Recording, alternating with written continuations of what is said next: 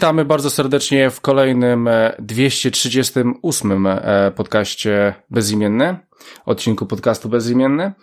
E, standardowo, no, przynajmniej ostatnio za pierwszym mikrofonem będzie Christian Kender, a dzisiaj ze mną w studiu będzie również Tomasz Arowasiewicz. No cześć wszystkim. Słuchajcie, jak już z pewnością zauważyliście, jest nasz tylko dwójka, więc mogę śmiało powiedzieć, że nagrywamy w, naj, w najmocniejszym składzie na dzień dzisiejszy. E, Mikołaj jest dalej na wakacjach, e, Rafałowi się coś wysypało, więc go niestety nie ma w ostatniej chwili, więc w dwójkę będziemy na placu boju e, w ten czerwcowy e, w czerwcowy w sumie taki południe. Po raz pierwszy nagrywamy w południe, co jest dla nas porą nietypową. Mamy 5 czerwca i słuchajcie, będziemy sobie gadać o grach. Co ciekawe, dzisiaj będziemy rozmawiać o grach. E, przede wszystkim chciałbym powiedzieć, że tematem głównym będzie dzisiaj w końcu nasza Zelda, czyli Tears of the Kingdom, gdzie Tomek ograł, przeszedł 70 godzin, pyknęło i, i dowiecie się, czy jest sens w to wchodzić. E, tak, to tytułem wstępu. E, no i oczywiście będą różne fajniejsze rzeczy, niefajniejsze rzeczy. Ja właśnie sobie przypomniałem, Tomku, że e, byłem na Mario. E, na, Mari na Mario obejrzałem sobie Mario, więc e, mogę też o tym powiedzieć. ale chętnie posłucham. E, tak, tak, więc spoko, więc powiemy sobie też o filmach, powiemy sobie o różnych gierkach, powiemy sobie o też, też co można robić poza graniem, niekoniecznie w domu.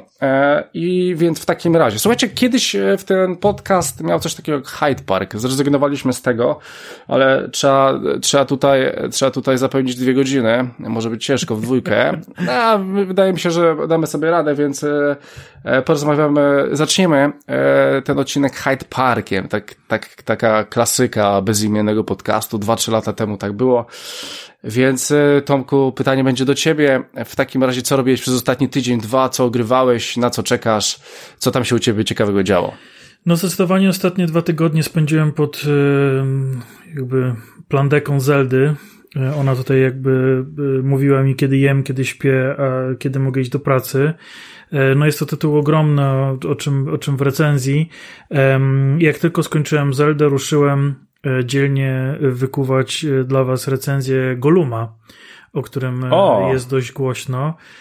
Niestety Golum porwał mnie tak bardzo, że rozpocząłem starania o wbicie wysokiej rangi w Rainbow Six Siege bardziej niż właśnie tutaj przechodząc kolejne, kolejne etapy, ale na pewno tego Goluma skończę.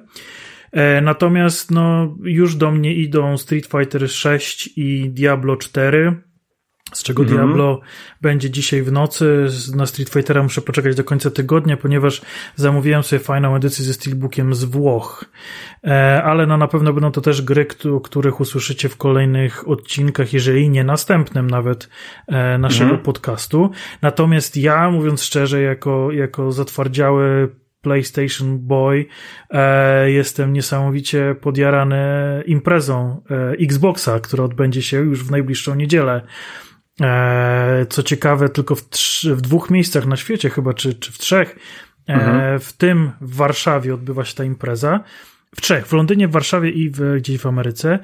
I dostałem właśnie zaproszenie na, na tą imprezę w Warszawie i niesamowicie się jaram. E, jestem ciekaw, jak ta impreza będzie zorganizowana. Jestem niesamowicie dumny, że ze wszystkich krajów właściwie tutaj tej e, Europy naszej, akurat Polska została wytypowana na, na, na to, żeby, żeby ta impreza się odbyła. No i bardzo chętnie się również z wami podzielę tym, jak na tej imprezie no, było. Tam, tam chyba parę nawet osób będzie, nie? Bo tam chyba, nie wiem, czy Mikołaj nie wpadnie na nią, chyba tam e, nasz patron Nikita mówił chyba, że też tak, będzie, więc tak, tak, e, tak, tak. grubsza ekipa się szykuje. Także no, jestem, jestem sam pod wrażeniem, że, że jaram się tą, e, tą imprezą, ale, ale no, liczę, liczę, że będzie zacnie. Mhm. A jak tam u ciebie, Krystianie? W co no właśnie, powiem ci tak, przez ostatnie dwa tygodnie sporo, sporo rzeczy mnie wpadło. E, przede wszystkim po raz pierwszy, bo e, wiecie, no z Wiedźminem dalej mam problem i się nie lubimy, ale e, zacząłem, z, zacząłem ogrywać This War of Mine. E, w ogóle nie, nie ogrywałem tego, tego tytułu nigdy. E, a zacząłem go ogrywać, ponieważ dostałem planszówkę. I tak sobie pomyślałem, dobra, zanim zagram w planszówkę, to przynajmniej zobaczę, o co w tej grze chodzi. I powiem wam, że trochę pograłem w tą grę i jest całkiem niezła. Ale mam wrażenie, że jest nudna. Strasznie nudna, bo robi się w kółko to samo. Oczywiście są fajne momenty w tej grze, że tutaj e, trafiają się bardzo przykre i nieprzykre rzeczy. Okej, okay, życie, wojna, okej, okay, zgadzam się. Ale ten crafting w domu tak troszeczkę hmm, brakuje mi coś w mechanice czegoś głębszego. E, I po prostu nudzi mnie ta gra, jak na przykład Frostpunk. Nie, nie wiem, czy to jest dobre porównanie, chociaż to też jest survival przecież. E, no to po prostu z dnia na dzień tam, o, cały czas trzeba kombinować. Tak tutaj po prostu rozbuduje się tą bazę i się wysyła i, i znowu baza i żarcie i tam sprzęty i tak dalej, i tak dalej, nowe łóżka. No, no ogólnie na razie spoko. Myślę, że jeszcze będę grał w This War uh, of Mine, ale no, na razie, na razie nie. Na razie nie. E, słuchajcie, na Game Passie również pojawiła się taka gra, co się nazywa Ghost Lore. To jest, słuchajcie, to jest takie Diablo, E, hack and slash, no po prostu podobne super do Diablo, sześć postaci do wyboru, e, lokalna gra, e, nie wiem czy to się pojawiło ostatnio, e, czy po prostu, chyba ostatnio się jakoś pojawiło i za, zacząłem grać z żoną, co dosyć spoko, tylko że to jest gra e, pikselowa, mocno pikselowa, więc wygląda jak gówno, ale ten gameplay jest w miarę spoko, więc e, myślę, że jeszcze do tego wrócę. A w Gauntlet grałeś? Jeszcze raz? Jak Gauntlet. tytuł? E, grałem, grałem. Wydaje mi się, że grałem i nawet mi się podobał. I nawet sporo w to pograłem. A por tak. jakoś tak porównywałem? Znaczy wiem, wiem, że grafika inna, ale porównywałem e, do rozgrywki? E, wiesz co to jest? E... Czy to jest takie naprawdę jakby mocno bardziej Diablo, a mniej... Bardziej Diablo. Ba bardziej, próbuję, bardziej próbuję być to Diablo. Nawet powiem ci, że portale e, teleporty wyglądają tak samo jak w Diablo, jeden do jednego. okay. No więc e, gra próbuje być Diablo, aczkolwiek ma troszeczkę inne mechaniki, jeżeli chodzi o e, może o tą walkę. Znaczy jest troszeczkę inaczej, no, może jest troszeczkę inaczej. Musiałbyś sobie odpalić, zobaczyć. E, Spróbuj sobie. E, gra zajmuje 1 giga, żeby nie było, więc. E, no, e, no i co, no, zapowiedzieli nam Mortal Kombat jedynkę. A, na, że, a, na, a że na Game Passie jest jedenastka, no to sobie odpaliłem to, tego Mortala i kurczę, strasznie żałowałem, że nie wjechałem w tego Mortala od premiery, bo, bo jest świetny, jest dużo rzeczy fajnych do robienia, no i ogólnie e, gameplay, chociaż postaci mi się w jedenastce nie podobają, e, brakuje mi niektórych, które, które, że, które oczywiście są w, w DLC, E, tak strasznie żałuję, że nie wjechałem od początku, dlatego teraz z Mortal Kombat 1, no nie, nie ma przebacz, biorę to na premierę i ja będę, ja będę to katował, bo po prostu lubię uniwersum. W ogóle w, w jedenastka ma świetną grafikę, to ja nie wiem, co będzie w tej jedynce. Jeszcze chyba żadnego oficjalnego filmiku z gameplaya nie było tej jedynki. Nie, też mi e, że nie. Nie, nie, chyba nie, więc e, czekam na to. E, słuchajcie, no co, Halo Infinite e, w połowie czerwca nowy sezon, czwarty wjeżdża, a ja chyba jestem w połowie trzeciego, więc mocno, mocno gonię po prostu teraz te Halo. E, więc Halo codziennie praktycznie odpalam. E, poza tym Grounded z żoną gram e, w wolnym czasie. E, Grounded będzie recenzja na 100%. Bardzo dużo się zmieniło w stosunku do tego, jak grałem w Early Access, a teraz przede wszystkim doszły wszystkie e, filmiki CGI, których w ogóle nie było w tym, co ja grałem, więc Boże, ja w ogóle się dziwię, że intro jest jakieś, wow, przecież tego nie było. I, I, sporo takich elementów jest, ale o tym powiem wcześniej. Ogólnie jesteśmy zajarani strasznie, bo e, dużo odkryliśmy ostatnio, a w tej grze jest tak, że jak dużo odkryjesz, to aż masz ciśnienie grać dalej i cisnąć dalej, więc, e, e, więc to tyle. E, jeszcze, jeszcze dwie gry sobie e, ogrywałem.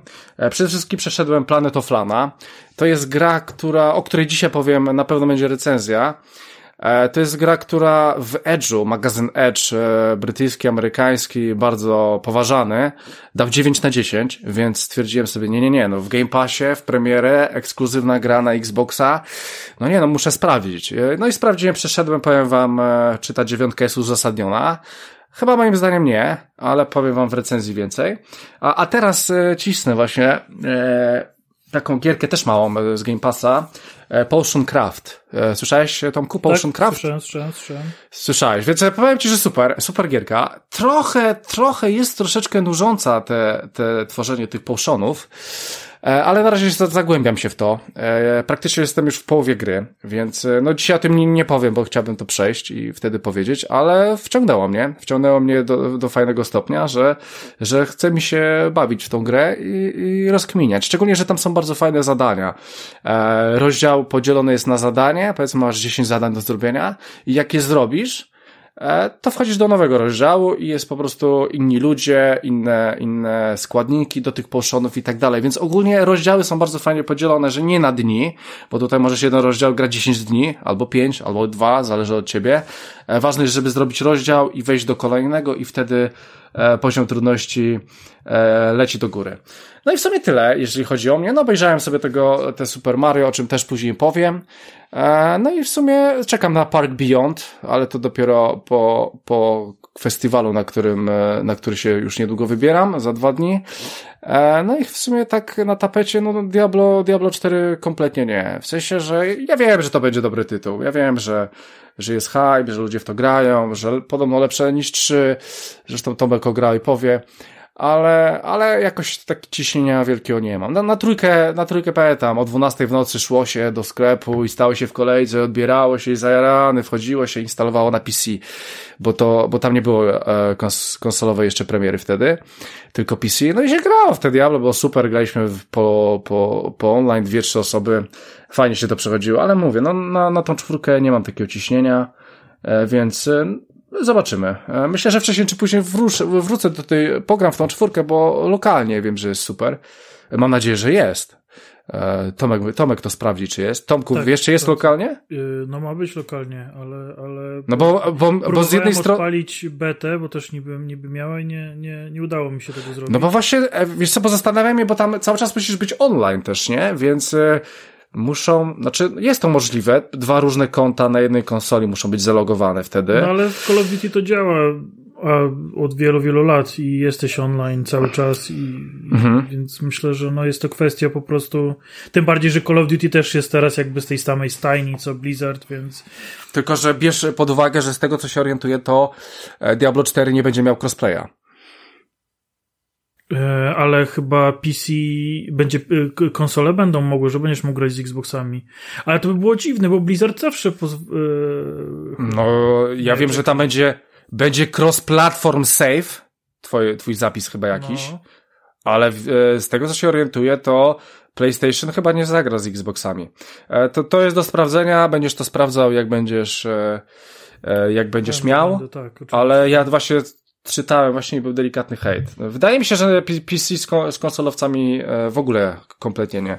Ale dobra, e, do tego nie ma co, nie ma co znaczy, gdybać. To jest możliwe, bo tak już było w przypadku Diablo 3, bo jest zupełnie różne sterowanie. E, w konsolowej wersji Diablo na przykład doszedł Dash, czy tam Unik, czy coś takiego, czego w ogóle w PC-owej wersji nie było, więc jakby to by miało dla mnie sens, że, że, że PC nie może grać z konsolowcami, natomiast mhm.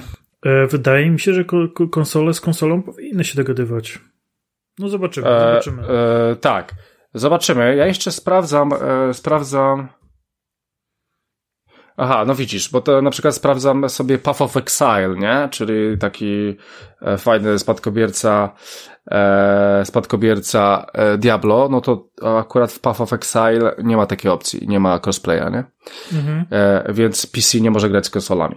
E, no ale dobra, w Diablo zobaczymy, nie ma co gdybać, e, e miejmy nadzieję, że, znaczy w sumie ja, ja to, mi to rybka tak na dobrą sprawę, bo i tak będę grał z żoną. E, więc to tyle tytułem wstępu. Wiecie, co robiliśmy ostatnio, więc przejdźmy do mięsa, czyli do gier. E, więc może, może zacznijmy od, od starszego tytułu, Tomku, który wisi już u ciebie dosyć długo na liście. Tak. E, ale myślę, że ten tytuł chyba jest warty. Szczególnie, że o, można go sobie troszeczkę tak przypomnieć, bo zaraz wychodzi najnowsza szesnasta edycja już tej serii. A tak, to jest chyba jakiś. Już za, już za 11 dni ma premierę. Z tego, o Boże, no nie. E, no w ogóle czerwiec jest gruby, naprawdę jest gruby. Więc Crisis Core Final Fantasy VII Reunion. Co to jest, Tomku? E, o, o, czym w ogóle to jest gra? E, mów o tym finalu, wszystko co wiesz. Więc tak, e, po pierwsze ma zajebiście długi tytuł, ale ostatnio... No ma, ma, ma, ma. Ostatnio te tytuły w przypadku tych właśnie edycji odświeżonych przechodzą same siebie. E, no jest to remake um, Crisis Core Final Fantasy VII, mhm. e, robione na tym samym silniku, na którym zrobione został remake e, Final Fantasy VII e, oraz DLC do niego. E, czekamy jakby na kolejną część, ponieważ ta siódemka nie została wydana w pełni, cała, cała gra nie została zawarta, na, na razie tylko, tylko część szacowana około jak, gdzieś jedna trzecia fabuły, więc, więc najprawdopodobniej tych części będzie, będą trzy. E, nie ma na razie informacji na temat e, tego, kiedy ta, e, że tak powiem, part 2 miałby się ukazać. Więc, więc jako, że strasznie, strasznie mi siadła ta siódemka odświeżona pod względem gameplayowym, pod względem graficznym, bardzo fajnie to wszystko zostało zrobione. Więc jak zobaczyłem, że to jest właściwie ta sama grafika, to pomyślałem sobie, aha, grałem w Crisis Core na PSP, podobało mi się. E, będzie to fajnie, fajnie sobie to ograć właśnie na, w tym nowym silniku graficznym. I niestety troszkę się zawiodłem. E, mhm. Pamiętałem, że ta gra jest dużo lepsza niż, niż to, co dostałem teraz. Na pewno jest zdecydowanie gorsza gameplayowo od odświeżonej siódemki. Mm, jest bardzo, bardzo monotonna. Właściwie ciągle robimy to samo, e, używamy tych samych superów, tych samych ataków, e, jest dużo mniej taktyczna. E, w tej siódemce można się było przełączać między postaciami. Tu mamy jedną postać, która właściwie cały czas robi to samo, więc tak. no, jakoś to mi to. Przeszedłem to, ale tak bez, bez takiej ekscytacji gdzie na przykład właśnie jak wyszedł dodatek do, do tej odświeżonej siódemki, to łyknąłem go chyba w, w wieczór. W sensie siedziałem tak długo, tak długo aż, aż przyszedłem. E, tak mi się to wszystko podobało, tak tam wszystko fajnie, fajnie to chodziło, że, że taki byłem aż, aż spragniony e, kolejnych rzeczy, które, które w tej grze można robić. Tak tutaj, no zupełnie jakby to wszystko, wszystko było, było nie takie. Przede wszystkim właśnie ta rozgrywka, mm, że ten nacisk na tą jedną postać, która właściwie robi to samo. E, mhm. Tam są jakby, może, można sobie kraftować ciosy specjalne, e, bo oparte na tam różnych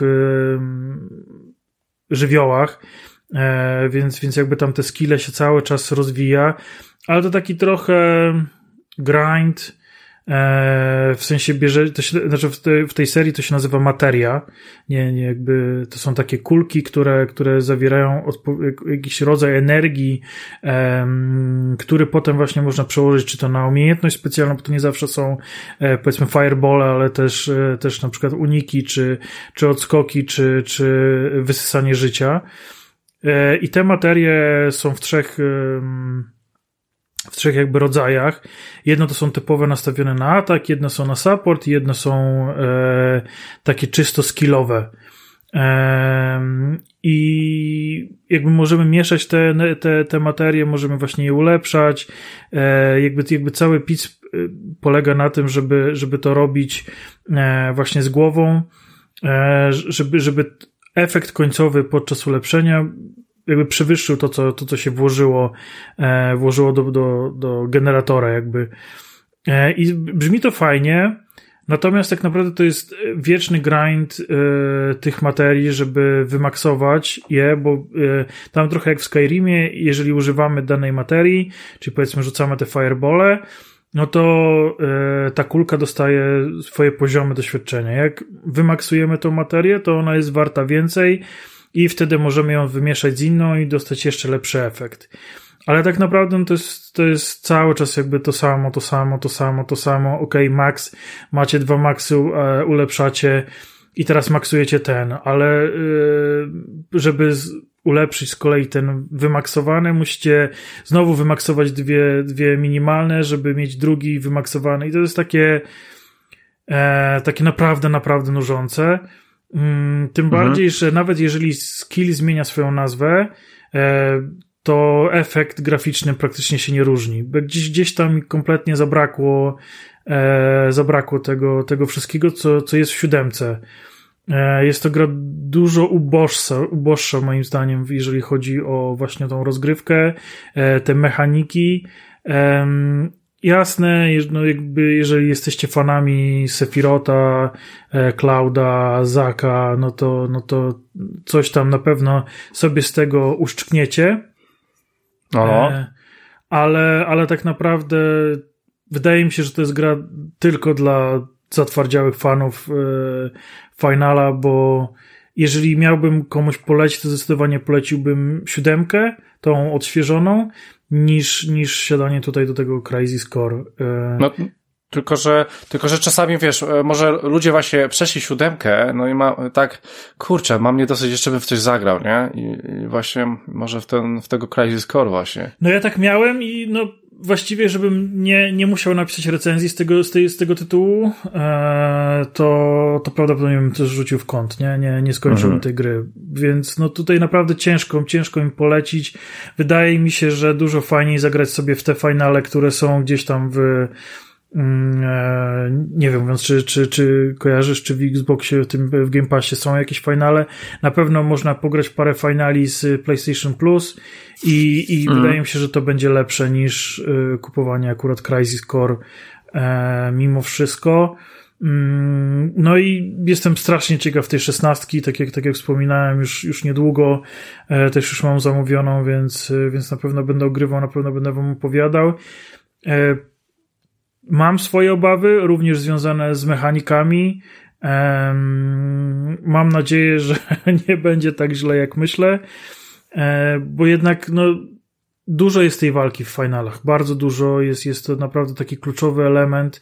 I jeżeli ta walka nie siada, no to cała gra jakby jest dużo dużo mniej ciekawa, bo, bo jednak no tam wiadomo, że te historie azjatyckie są troszkę bardziej wykręcone, troszkę mniej osadzone w rzeczywistości, mm, dużo więcej dzieje się takich rzeczy, gdzie, gdzie łapiecie się za głowę i zastanawiacie się, jak to jest w ogóle możliwe.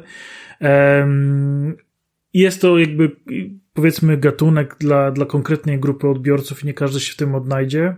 Mhm. I tak właśnie, na to, tak jak wydaje mi się, że ta odświeżona siódemka ma szansę spodobać się większej ilości graczy, tak e, ten Crisis Core y, uważam, że jest naprawdę tylko dla e, dla, dla zatwardziałych fanów, którzy, którzy po prostu biorą absolutnie wszystko, nie patrząc e, na to, co tam jest w środku jest. No, ja jeszcze, Tomku, odpowiem Ci na Twoje pytanie. Wiesz, jak wiemy, Final Fantasy XVI będzie tylko i wyłącznie na PlayStation 5, nie będzie go na Xboxa, no, ponieważ wiemy, że PlayStation e, podpisując jakieś deale robi to w bardzo niefajny i nieczysty sposób. W związku z tym on praktycznie e, pozwala Square Enix wrzucać gry na PlayStation 5 tylko i wyłącznie, jeżeli nie będzie nic w Game Passie, więc Final Fantasy żadnego w Game Passie niestety z tego tytułu nie ma. E, tak, e, z, z, tego co pamiętam, mówiłeś o Final Fantasy XVI, że ta walka może cię denerwować i mówiłeś, tak. że, znaczy z tego co ja nawet zauważyłem, to faktycznie te walki są strasznie długie. Tam się długo walczy, w sensie, że te, że, że te mopki się bije i bije i, i tak, bije tak, i tak, bije. To, to, wygląda jak ta seria Dynasty Warriors, gdzie, gdzie wpadacie po prostu, dlatego, że tam troszkę była inna, inna zasada, bo tam się tłukło po prostu nieskończone fale wrogów. Tutaj natomiast macie kilku wrogów, ale mają nawet zwyk, zwykli jakiś jakieś tam, nie wiem, pomiatacze czy, czy, czy jakieś tam mhm. żołnierze mają po prostu takie paski HP, że bijecie ich tam po 100 tysięcy obrażeń, a ten pasek w ogóle im się to nie rusza, więc to mi troszkę, to mi troszkę nie leży. Mam nadzieję, tak gdzieś tam, gdzieś tam z tyłu głowy, że to jest po prostu było zrobione na potrzeby tych wideo, które prezentowali, żeby mhm. te walki właśnie lepiej zaprezentować, a nie, że wpada gość, wali trzy ciosy i biegnie dalej, tylko, że chcieli pokazać tam te różne kombinacje, czy e, przywoływanie samonów, że, że gdzieś tam, gdzieś tam to, to, to, to im chodziło po głowie, a w faktycznej grze będzie to wyglądało inaczej. Natomiast jeżeli jednak nie, to faktycznie, jeżeli mam spędzić 15 minut na każdej walce z każdym mobkiem, którego spotykam gdzieś tam po drodze do wieży i, i ta, to przejście do tej wieży zajmuje 3 godziny, a tak naprawdę nic nie ruszyłem z gry, bo, bo się ciągle biłem w jakichś bezsensownych walkach, no to może być gorzej. Mhm. E, wiem o co ci chodzi. No, zobaczymy. Ja, ja w sumie też będę ogrywał, a więc e, wychodzi na to, że recenzja będzie wspólna. E, aczkolwiek znając, e, znając twoje, twoje podejście do gier, a moje podejście do gier, to będziesz musiał troszeczkę na mnie poczekać. E, no. E, Spoko, no dobra.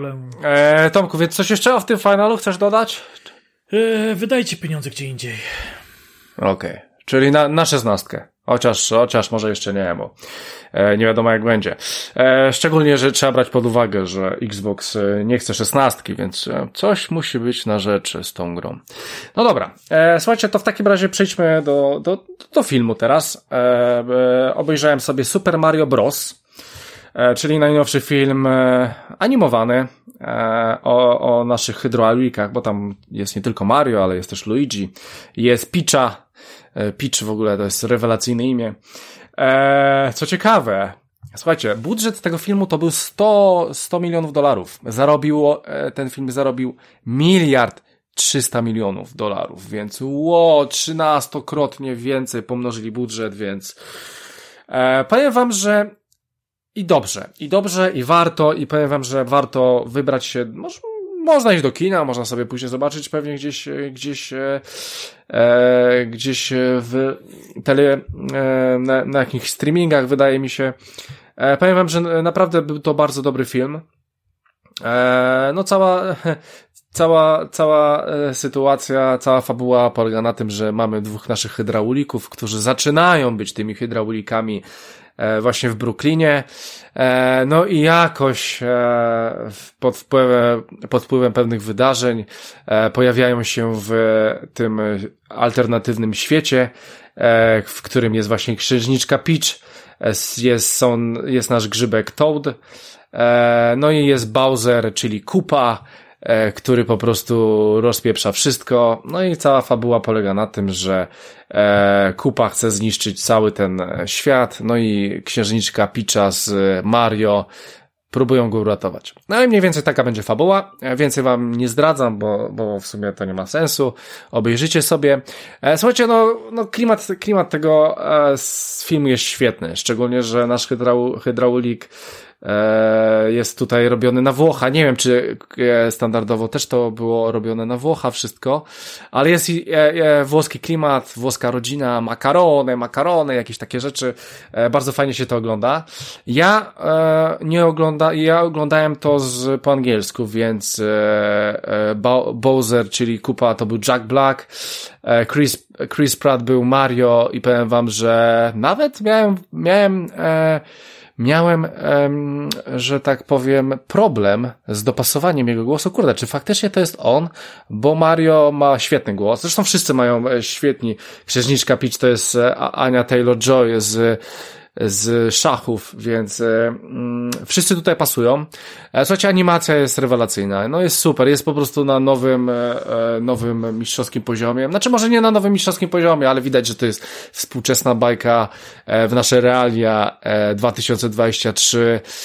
No i po prostu jest przepiękna, jest po prostu przepiękna, dużo się dzieje, dużo, w ogóle jest bardzo dużo odniesień do różnych do pop do popkultury, szczególnie do Nintendo, do różnych gier Nintendo. E, znajdziecie tam różne ciekawe rzeczy. Są, na, są nawet elementy, w której, w której Mario, nasz tytułowy Mario w grze, porusza się w prawo i pokonuje planszę, więc no to oczywiście e, oczko w stronę oryginalnej gry, czy tej pierwszej, e, czy chociażby e, są etapy, w której na czas musi e, musi pokonywać pewne levele, później, później e, musi się złapać chorągiewki. No, no kurczę, no Mario, no Mario jedno do jednego.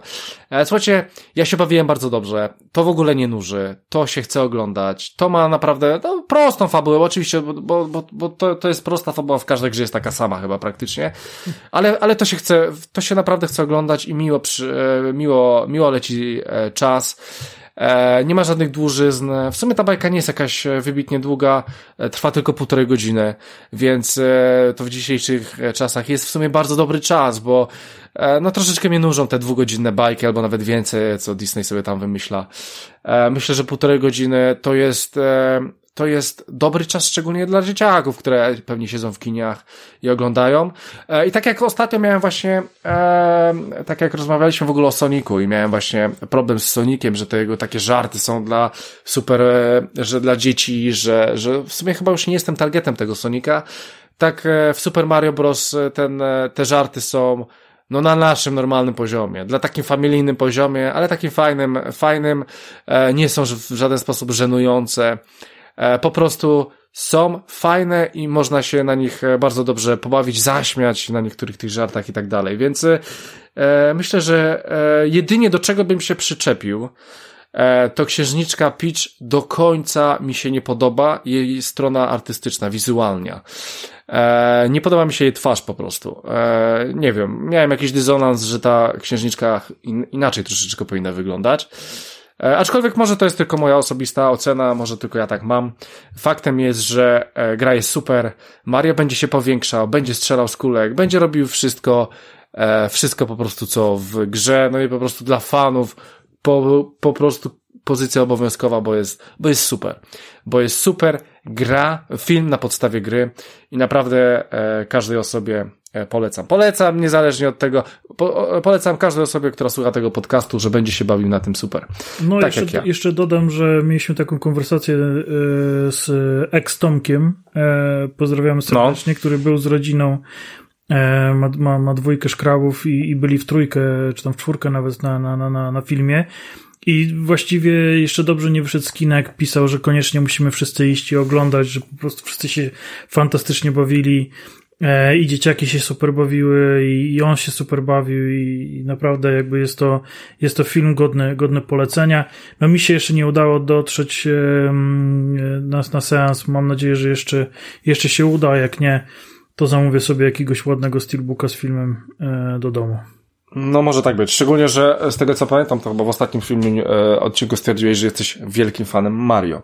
To Więc prawda. Tak, tak, to, masz, tak, tak. to masz skazę teraz, no jak wielki fan Mario i nawet nie, nie obejrzał filmu Mario? Życie. Filmu, który, który, czekaj, ostatnio film Mario to chyba był to ten, to ten fabularny, czy było coś jeszcze? Cudowny był, nie, nie, był tylko fabularny i potem A, no to... w filmie, nie wiem, czy czytałeś, e, było, było właśnie e, w, w książce o tym, że, że jakby właściciele Mario po, po klapie e, tego filmu stwierdzili, że nigdy więcej już nie zrobią żadnego filmu.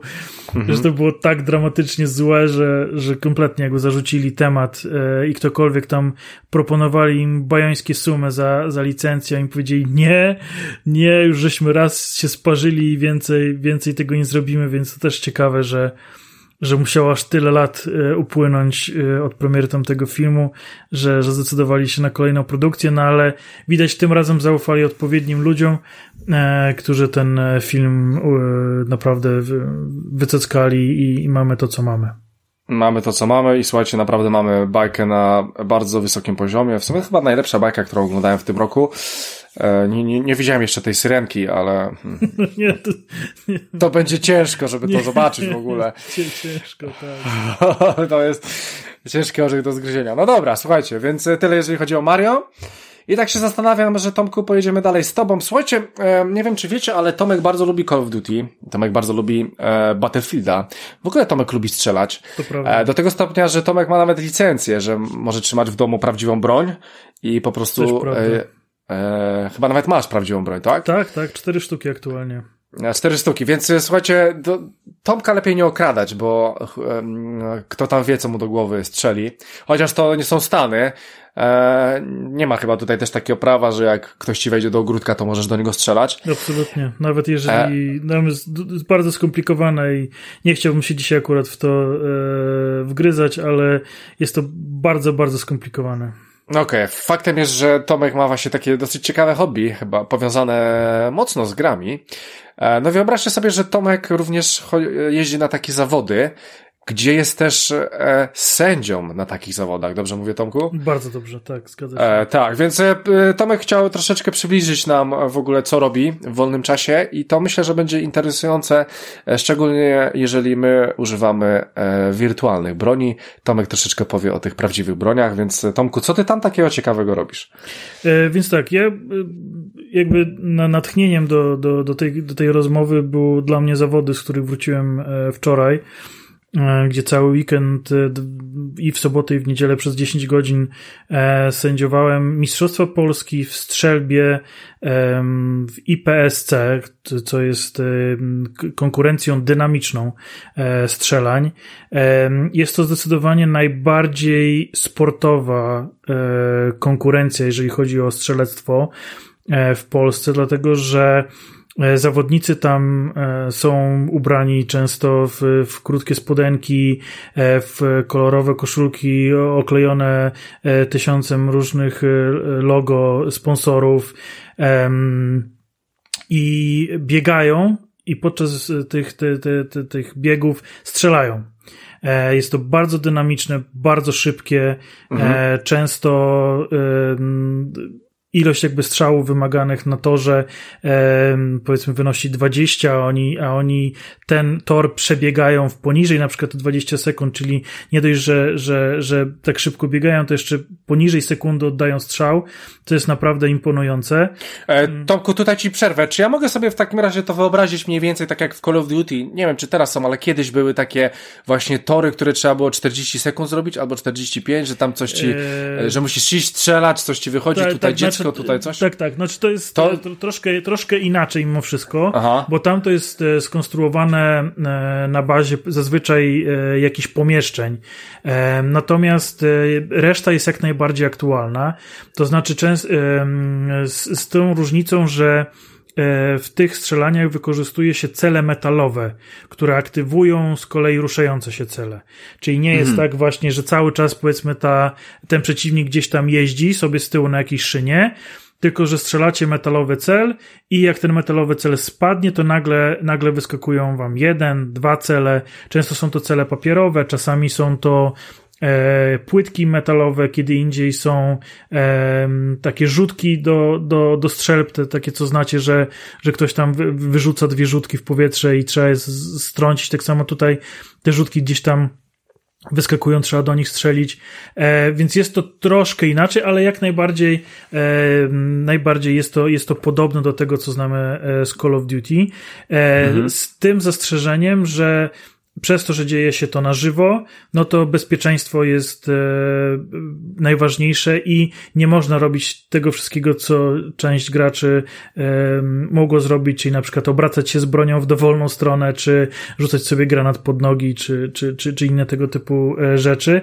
E, dlatego, że no, jako, że, że operujemy prawdziwą bronią, mm, tutaj jakiekolwiek złamanie zasad bezpieczeństwa jakby w kontynuacji jest e, z dyskwalifikacją, a, a, a co za tym idzie, zawodnik jest usuwany w ogóle z zawodów, więc, więc tutaj jakby trzeba na to mieć, e, mieć baczenie, bo, bo naprawdę głupota może, może nas kosztować po prostu koniec zawodów.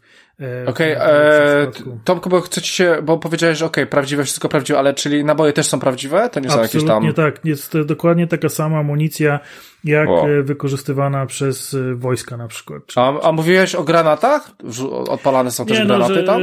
Żartuję, no granat, granatów, okay. granatów u nas nie ma, natomiast tu, e, chciałem też opowiedzieć, bo, bo jakby no ja się wywodzę właśnie tutaj z tej takiej sportowej części, ale są też właśnie zawody bardziej taktyczne, bardziej nastawione na na jakieś takie przeży przeżycia, nazwijmy to, e, powiedzmy, sił specjalnych.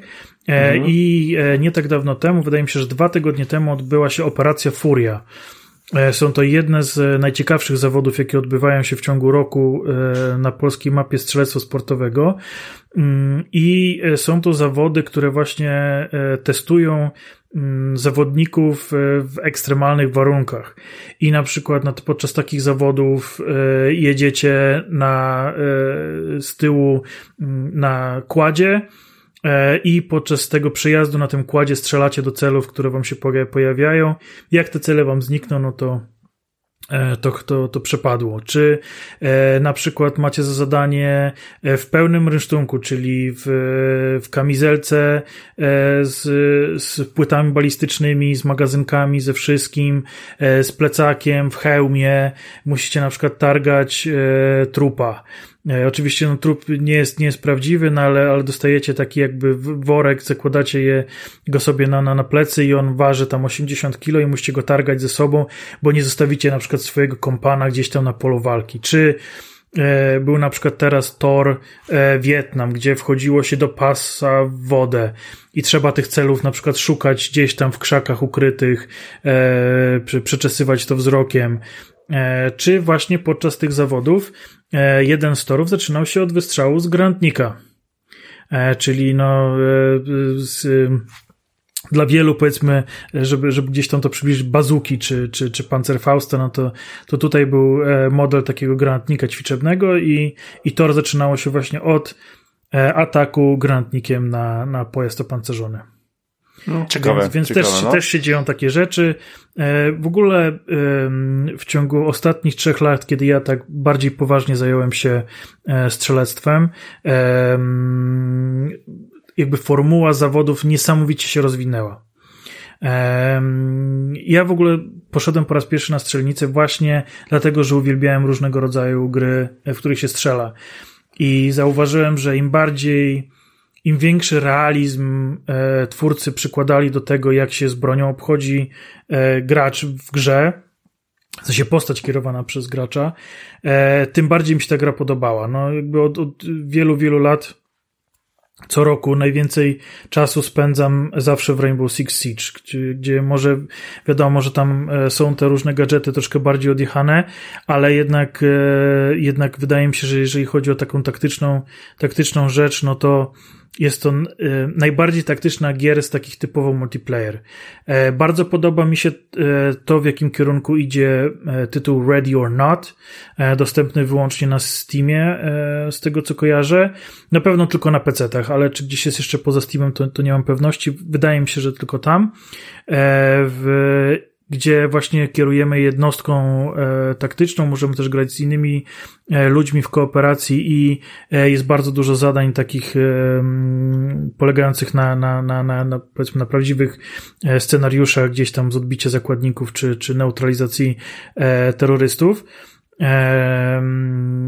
I jakby za, zawsze te gry najbardziej mi się podobały i postanowiłem zobaczyć ile faktycznie jest tej prawdy w tym, co oni mówią, co robią. Oglądałem właśnie filmiki z nagrań, powiedzmy, jak, jak nagrywali e, różnego rodzaju wystrzały tych broni, żeby się zbliżyć do tego realizmu. Ja chciałem zobaczyć, jak naprawdę to wygląda na strzelnicy. I powiem wam, że poszedłem pierwszy raz i absolutnie wsiąkłem w to. Pierwszy raz, jak strzelałem, strzelałem z trzech pistoletów, e, z Colta 911, e, z Berety 92 FS i z Glocka 17 i po prostu odpadłem. Ja, ja, ja wiedziałem, że ja chcę to zrobić. Zaraz się zapisałem do, e, do klubu sportowego, zaraz zacząłem e, robić licencję i właściwie e, w kilka miesięcy tą licencję uzyskałem. Kolejne szkolenia z kolejnymi instruktorami tutaj z, z Polski. Zobaczyłem, że jest właśnie taka, taka sportowa dyscyplina jak to IPSC. Co ciekawe, IPSC również do, do, dopuszcza airsoft, guny, czyli te wszystkie, wszystkie, wszystkie repliki na kulki, e, są bardzo fajne, niesamowicie szybko rozwijające się zawody, e, na pewno w Warszawie. Wiem, że próbują to też, e, też zrobić gdzieś, gdzieś, gdzieś poza, poza stolicą, ale wiem, że w Warszawie jest bardzo mocna ekipa IPSC właśnie w Wersofcie i, i też można to, to, to robić jest to niesamowicie po prostu sportowa, sportowa dyscyplina, niesamowicie widowiskowa. I ja właśnie e, teraz sędziowałem zawody Mistrzostwa Polski w strzelbie. E, przyznam się szczerze, że ja jednak bardziej pistolet i karabin e, gdzieś tam, gdzieś tam mi leży. E, strzelbę uwielbiam, ale to, to jest e, bardziej tak, żeby sobie posłuchać dźwięku przeładowania tak zwanej pompki e, strzelby pump action, gdzie po każdym jakby strzale musimy sobie załadować nowy, mm, nowy pocisk do, do komory nabojowej. I ten, ja kupiłem strzelbę tylko do tego dźwięku, więc ja sobie czasami jadę na strzelnicę, sobie strzelę 10 razy i ja jestem zadowolony, że sobie tego po prostu posłuchałem. E, natomiast e, tutaj, no tutaj nie było żartów. Zjechało się, e, zjechali się zawodnicy właściwie z całej Europy. Włosi, Francuzi, Finowie, Niemcy, Austriacy, E, Belgowie, e, Brytyjczycy, więc naprawdę, naprawdę ekipa, ekipa najwyższych lotów. I patrząc to, jak oni strzelali, pomyślałem, kurde, muszę, muszę o tym powiedzieć na podcaście, bo powiem wam szczerze, że to jak my sobie obserwujemy czy, czy filmy wojenne, czy, czy w ogóle filmy, w których się strzela, czy, e, czy właśnie gramy sami, czy w Call of Duty, czy Battlefield, czy nawet w Rainbow Six, czy, czy właśnie w jakieś takie bardziej e, realistyczne tytuły jak Arma, e, czy właśnie Ready or Not, to mamy o tym jakieś pojęcie, ale widzieć tych ludzi, e, którzy ładują na przykład e, do, do, do ręcznej pompki e, cztery pociski praktycznie jednym ruchem, żeby zaraz je wystrzelić po prostu błyskawicznie do różnych celów z przemieszczaniem się, z, z biegnięciem. Te cele są na różnych odległościach, różne rzeczy tam robią. To jest po prostu tak niesamowita adrenalina i tak niesamowity jakby popis umiejętności, e, że to warto zobaczyć. To wydaje się, że to może być nudne, bo e, całej akcji tam jest powiedzmy 20-30 sekund, jak taki zawodnik robi ten tor.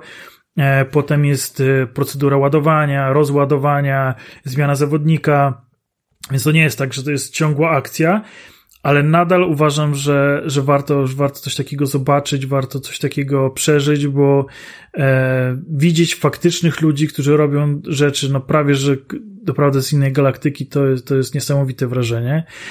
I też e, ta broń, e, okazuje się, że broń w ogóle jest takim tematem bardzo silnym tabu, jeżeli chodzi o Polskę. E, bo mm, nikt się tym co bardzo nie chwali, że ma broń, że coś z tą bronią robi. Często w ogóle ja, ja się spotkałem bardzo często z tym, że ludzie jak dowiadywali się, że ja mam broń, to uważali mi za jakiegoś psychopatę, który zaraz wpadnie do szkoły mordować dzieci. Eee, no bo jak to tak, jak to tak, Boże, masz broń w domu. Są jakieś mity, że broń sama strzela raz do roku.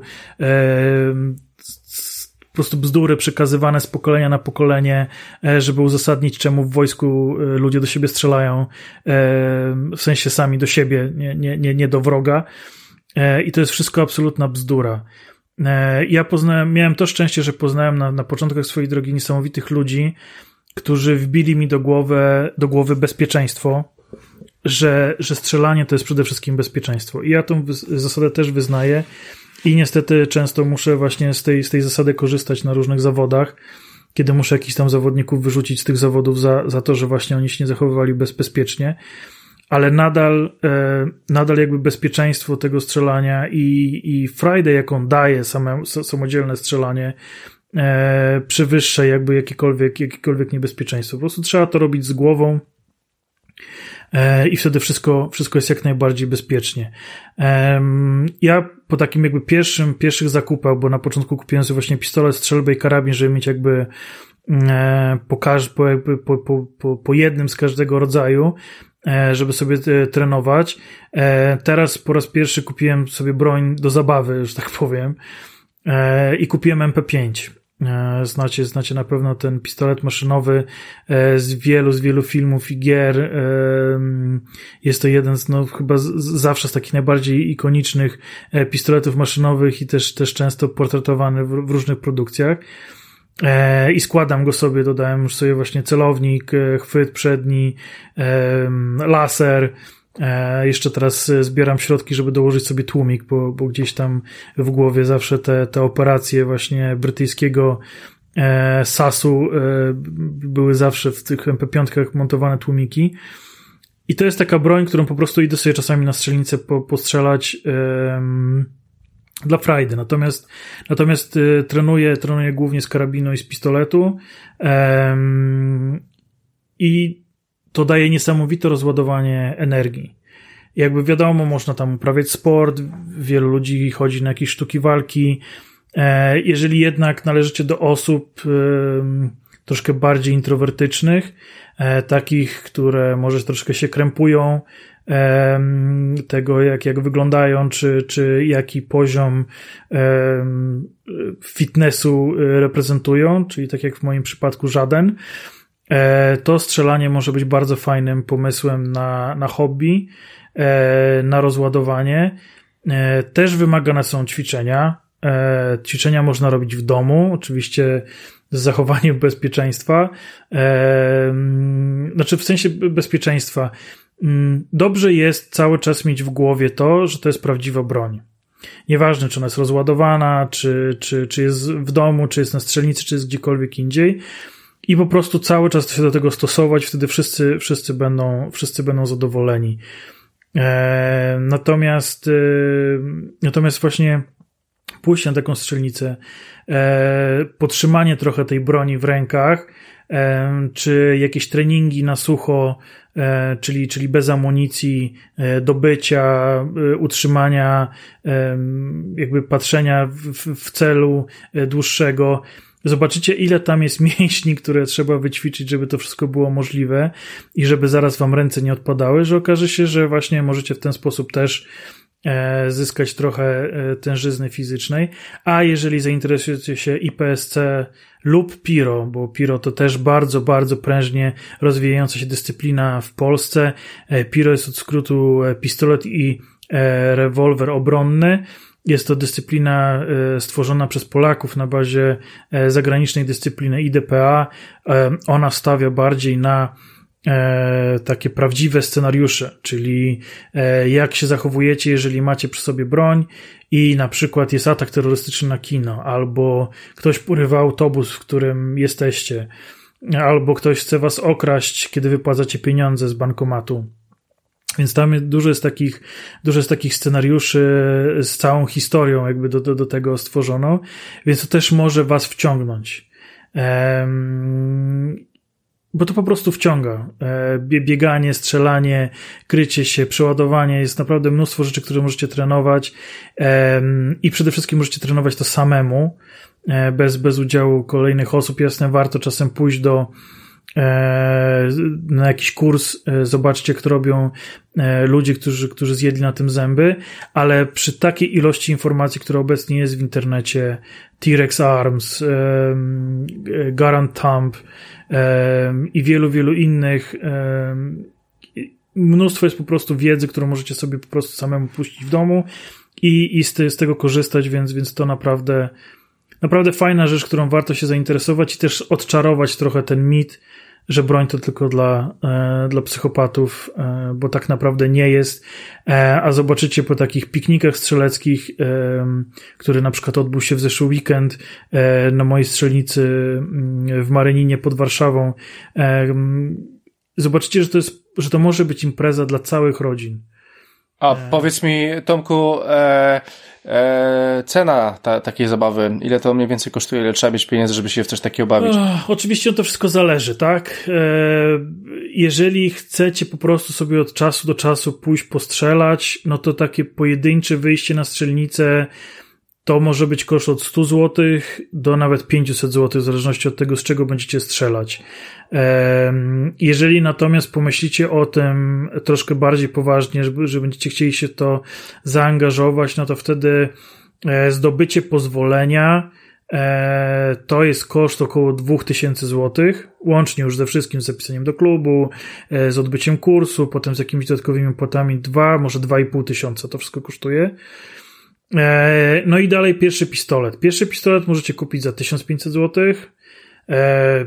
E, ja mam Glocka 17, czyli najbardziej popularny obecnie pistolet na świecie. On kosztował 3500, no ale też e, jakby e, to 3500 da wam większą jakość wykonania niż to za 1500, tak? Natomiast pojawiło się ostatnio sporo pistoletów tureckiej marki Kanik, e, które e, są całkiem naprawdę sensowne pistolety. Gdzieś na poziomie 2,5 tysiąca złotych możecie już taki pistolet dostać. To jest taki bardzo dobry stosunek jakości do ceny. E, no i wtedy e, jakby cena amunicji wam bardzo, bardzo schodzi, możecie sami strzelać. Wtedy takie wyjście na strzelnicę za 100 zł to jest godzina toru i jeszcze 50 sztuk amunicji, co jest, co jest naprawdę całkiem sens, fajnym strzelaniem. E, więc, więc są te ceny, ceny e, spadają. Wiadomo, no jakby jak chcecie jakąś super snajperkę, no to karabiny wyborowe to jest od 25 tysięcy e, w górę, plus optyka od 5 tysięcy w górę, no to już, już robią poważne pieniądze, ale naprawdę jakby możliwości są nieograniczone poza ograniczeniem waszego portfela, bo są i hełmy i noktowizyjne, E, za, za powiedzmy tych 40 tysięcy e, i jakieś tam cuda. No naprawdę można jakby wydać dowolną, dowolną kwotę, ale można zacząć naprawdę, naprawdę od jakichś tam niskich rzeczy e, i ludzie tak robią. Widzę naprawdę strzelców, którzy mają jeden pas, kilka magazynków, średnie, średnio budżetowy pistolet, czyli właśnie te, tego kanika tam powiedzmy za 2,5 tysiąca i przychodzą i strzelają zawody i mają z tego mnóstwo, mnóstwo frajdy, e, poznają innych ludzi, innych zapaleńców, dzielą się wiedzą. To jest w ogóle niesamowite obserwować e, tych strzelców, jak e, rzadko kiedy jest między nimi taka niezdrowa rywalizacja. Zazwyczaj sobie pomagają, zazwyczaj sobie podpowiadają, zazwyczaj e, chcą sprawić, żeby inny strzelec też miał lepszy wynik, bo im lepszy wynik, tym, tym ciekawsza konkurencja i tu jest naprawdę bardzo, bardzo fajna, fajna grupa ludzi, pasjonatów, którzy po prostu przychodzą się dobrze, dobrze pobawić, a przy okazji e, wygrać może jakąś nagrodę. Coraz częściej też te zawody robią się na tyle popularne, że pojawiają się sponsorzy, e, i właśnie tydzień temu były cztery bronie do wylosowania. E, teraz na tych zawodach strzelbowych były dwie strzelby do wylosowania ze wszystkich uczestników, e, więc, więc kto wie, możecie zacząć naprawdę z jakimś prostym sprzętem, potem mieć odrobinę szczęścia, że wylosują was e, z puli 200 osób i że zdobędziecie, zdobędziecie na przykład jakąś, jakąś nową, fajną broń w losowaniu. Często właśnie są karabiny do, wybra- do wygrania warte po kilka tysięcy złotych. A, więc... ty, ty tak. Tomku, ty Tomku, e, bo bawisz się w sędziego, ale ty raczej chyba nie bierzesz udziału w zawodach? E, ja troszkę spasowałem z, z braniem udziału w zawodach ze względu na troszkę mniejszą dostępność czasową, jeżeli chodzi o ćwiczenia, ale po tym jak tutaj trenowałem siostrzeńca mojej żony, E, do zawodów i e, na tych zawodach zajął czwarte miejsce. Były to jego pierwsze zawody w życiu. Strzelał z mojej broni, e, z której jasne miał tam parę treningów, ale, ale jakby no to był mój pistolet. Tak stwierdziłem, że kurde, może faktycznie trochę potrenuję i wrócę do tego i zacznę, zacznę więcej, więcej strzelać. Ja mhm. zazwyczaj startuję w zawodach statycznych póki co. E, do, tego mi idzie bardzo dobrze, nie potrzebuję takich e, aż tylu treningów, e, co w dynamice.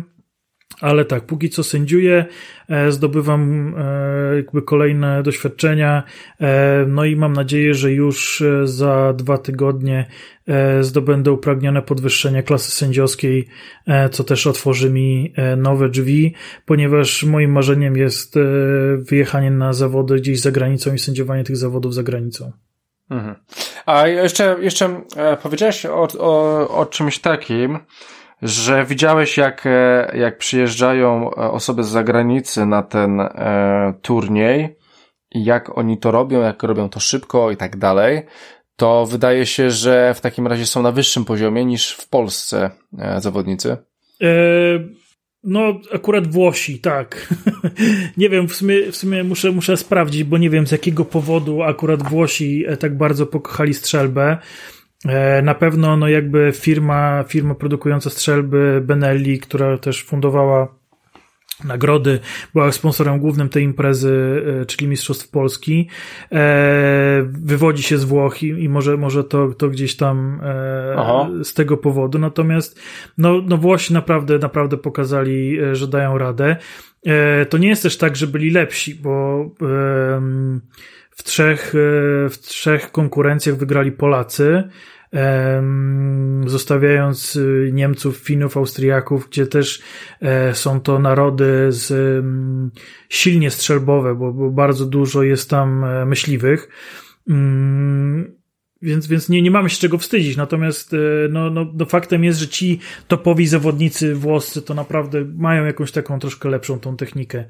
Mamy, mamy super skład, ale, ale jeszcze tam do takich um, Powiedzmy, my, Polacy, wyspecjalizowali się w strzelaniu z e, bardziej zmodyfikowanych strzelb. Włosi, e, Włosi świetnie, lepiej sobie radzą z, w tych takich manualnych strzelbach, właśnie ładowanych pojedynczo, mhm. E, gdzie, gdzieś to tak u, u nich wyszło. Mhm.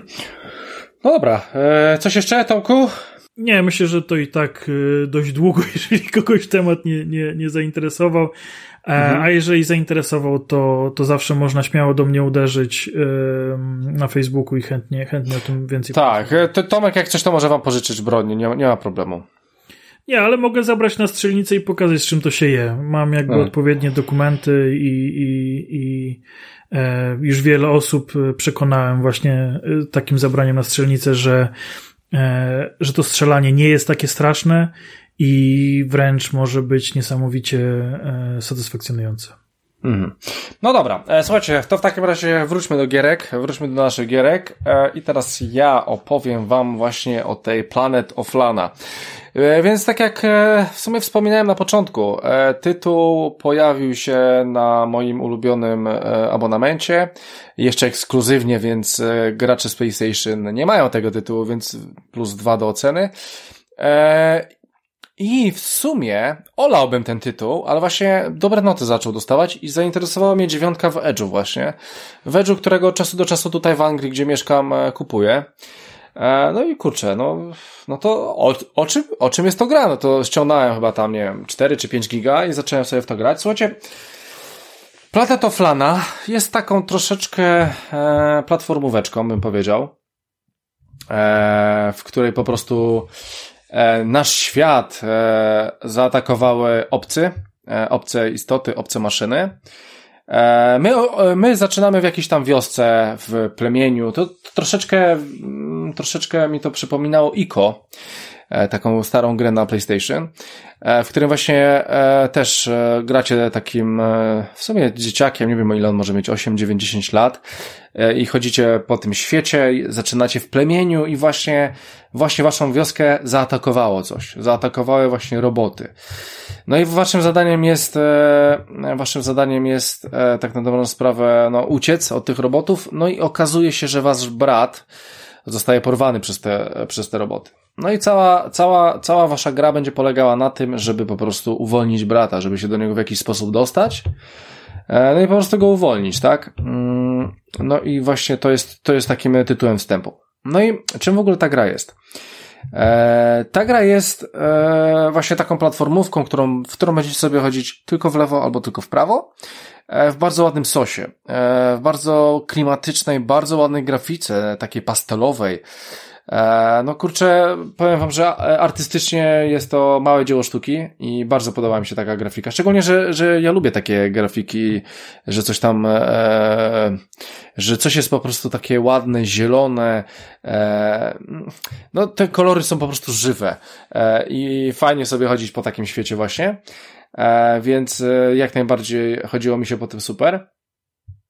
powiem wam dalej, że E, powiem wam dalej, że w, w tym tytule e, ten tytuł gameplayowo nastawiony jest na rozwiązywanie zagadek e, i od razu uprzedzam, że tych zagadek jest dużo. E, naprawdę jest sporo, e, ale bardzo mi się spodobało to, że te zagadki nie są głupie, nie są infantylne, tylko są bardzo fajne i naprawdę trzeba troszeczkę użyć tych szarych komórek, żeby coś rozkminić. Powiem wam, że tutaj jest taki, e, tutaj jest taki, jakby to powiedzieć, e, taki problem w tej grze, przynajmniej ja miałem zawsze, że tak, e, patrzę sobie na planszę, ok, tutaj trzeba coś rozkminić, coś przesunąć, coś otworzyć, coś skoczyć, coś zrobić i tak pierwsze wrażenie, ej, ale o co mi w ogóle chodzi, nie? I bardzo często zanim zacznę cokolwiek robić w tej grze, zanim zacznę e, rozwiązywać jak, jakąkolwiek zagadkę, mam takie, e, what the fuck? O co mi w ogóle chodzi, nie? E, więc e, to ogólnie było bardzo fajne. Ale później, później jak już tak, aha, dobra, no dobra, to trzeba przesunąć tu, dobra, to trzeba otworzyć, tu trzeba skoczyć, tu trzeba zrobić to. No to wszystko było, wszystko było oczywiste i wszystko, wszystko było w miarę e, wiadome, więc e, bardzo mi się pod, spodobało coś takiego. I w tej grze, jak będziecie sobie chodzić po świecie i szukać tego brata, to będziecie podróżować z kotem. E, poznajecie kota, e, na początku on jest tam e, za bardzo, nie chce się oswoić, nie chce z wami chodzić, ale... No jak to kot. Jak to kot, ale, ale później po jakimś czasie po jakimś czasie do was podchodzi i, i, i po prostu z wami uczestniczy. I jest bardzo ważną, jest bardzo ważną, bardzo ważnym kompanem w grze. I od razu, od razu, powiem wam, że od razu, jeżeli ktoś grał w Summer, Summer While, którego recenzowałem e, w zeszłym roku, pod koniec zeszłego roku, to po prostu bardzo dużo elementów jest tych samych. Mamy atak obcych, mamy kompana, tam był pies, tu jest kot, e, mamy, e, mamy po prostu, że tutaj e, w, Summer, w Summer Wild trzeba było e, tą ro, rodzinę odnaleźć, tutaj trzeba brata odnaleźć, no po prostu e, i też dużo zagadek, chociaż w Summer Wild było zdecydowanie mniej i stylistyka była e, podobna, ale, ale tu mamy taką bardziej przyja przyjazną, więc no, gra dla mnie jeden do jednego Summer Wild, ale lepsza. Powiem wam, że lepsza, ponieważ zagadki są bardziej wymagające i są e, fajniejsze. E, jest opcja, e, która polega na tym, że nasz kod będzie, będzie e, wykonywał różne rodzaju, e, różnego rodzaju polecenia. Więc będzie musiał nam coś przynieść. Będzie na przykład musiał zostać w jednym miejscu i poczekać na nas, albo e, będzie musiał nam coś przeciąć jakieś tam liny, czy gdzieś skoczyć e, i będziemy mogli sterować tym kotem, tak jakby, wydawać mu polecenia. No i to jest fajne, i to jest fajne i właśnie ta więź cała nasza i tego kota rozwinie się w całej, w całej tej grze. Bo to będzie bardzo ważna więź i to będzie coś, co po prostu, e, co po prostu będzie e, clue, e, clue w sumie tej gry, całej tej historii. E, ta relacja właśnie z kotem. Od razu, od razu mówię, że tak, w tej grze, e, w tej grze można, e, można pogłaskać kota. E, więc to jest plus. 10 na 10. 10 na 10. Słuchajcie, możecie słyszeć mojego psa, on sobie szczeka, on sobie poszczeka i się uspokoi. Eee, pojadę sobie dalej teraz. No poczekaj, poczekaj, czekaj, czekaj, czekaj, czekaj, czekaj, czekaj, czekaj, czekaj. Bo ja grałem w Planet of Lana na EGX w Londynie w zeszłym roku. O, proszę. E, tak, no. w, w, w wersję taką e, demonstracyjną i hmm. e, zaskoczyło mnie to, bo mimo, że był on w sekcji dla e, in, indyczej treści, to miał zdecydowanie bogate stanowisko bo miał bardzo wysoki banner, taki naprawdę sięgający 4 czy 5 metrów, mocno wyróżniający się na tle wszystkich innych stoisk, e, z taką pionową grafiką właśnie e, prezentującą grę. E, miał też statek obcych, taką replikę oczywiście w jakiejś tam skali, ale, ale taką całkiem, całkiem kozacką. I bardzo fajne stanowisko właśnie z, z beanbagami do siedzenia, gdzie zazwyczaj są, e, są, są jakby krzesła, czasami się stoi, a tutaj właśnie były takie beanbagi, że można się było zatopić i sobie w to, w to wszystko pograć. I, I mówiąc szczerze, tak przechodziłem obok tego stanowiska już wiele razy, e, zanim, zanim tam usiadłem, bo ciągle mi się tam wydawało, że coś jest ważniejszego, ale właśnie zagrałem, zagrałem w to demku, które prezentowało sam ten początek historii i co ciekawe, miałem y, takie same odczucie jak ty, że, że dochodzisz do jakiejś wskazówki i, znaczy do, jakiejś, do jakiegoś y, miejsca, w którym musisz rozwiązać i nie wiesz za bardzo od czego zacząć, żeby po chwili dopiero, a, no tak, oczywiście, przecież to było takie oczywiste. E, więc fajnie, że to, że to w, całe, w całej jakby grze. W całej grze, tak. E, jest kontynuowane. E, I fajnie, że, że, że właśnie ta gra jest i na pewno jak tylko będę miał jakiś wolny przebieg, to sobie do niej usiądę. E, tak, jeżeli chodzi o samą grę, to ona chyba nie jest jakaś długa. O, widzisz, mogłem sprawdzić. To ogólnie sprawdzę i wam powiem, ile mi, ile mi zajęło. Ja ją przeszedłem wczoraj w sumie. Wczoraj albo przedwczoraj. E, ale tak, jeżeli chodzi o te zagadki, to faktycznie one są, one są, cały czas miałem taki dysonans, że wchodzę, chociaż już nawet wie, wiem, bo wiecie jak z tymi grami jest e, i z zagadkami. Jeżeli, jeżeli zaczynacie robić te zagadki, to już mniej więcej będziecie wiedzieli, o co twórcom chodzi, jakiego rodzaju będą te zagadki, jaki stopień trudności i tak dalej, i tak dalej. Więc ja nawet, ja nawet pod koniec takie trzy czwarte gry w dalszym ciągu miałem takie, e, co? E, e, jak ja mam to zrobić? I tak, powiem, powiem ci, że nawet dwa razy chciałem zobaczyć poradnik, ale, okay. ale, ale, ale, no, ja tak zawsze chcę, ale jak mam coś szukać, czy coś, to mi się nie chce, ale tak wolę, wolę jednak samemu rozkminiać i rozkminiłem, ale to też, to też nie były, to było na zasadzie, musiałem pomyśleć pięć minut dłużej, tak? Mm. Żeby, żeby na to wpaść. Więc e, wszystko to jest, znaczy, powiem tak, te zagadki są, one nie są takie, e, one nie są takie, że w powiedzą ci, co masz robić, musisz sam na to wpaść. I czasami trzeba próbować parę rzeczy, i w końcu pyknie. Wierzcie mi, że na pewno w końcu pyknie e, to, co sobie rozkminicie. Nie będzie to wprost, ale, ale, ale, ale na pewno będzie to i e, na 100% na to wpadniecie. E, więc ogólnie cała ta zabawa z tym kotem jest bardzo fajna. E, graficznie jest super, e, kotek jest super. E, poza tym tak, muzyka jest zrobiona pod taki klimat, myślę. E, czyli jakaś tam mała orkiestra, czasami e, na przykład jak odpalacie sobie niektóre, e, niektóre tam są takie, jakby to powiedzieć, konsole, w które uruchamiają różne roboty, to na ogół są to klawisze, po prostu klawisze na, na pianinie i to jest dosyć klimatyczne. Później ten motyw będzie się pojawiał w przeciągu całej gry, więc bardzo mi się to podobało. Co jeszcze?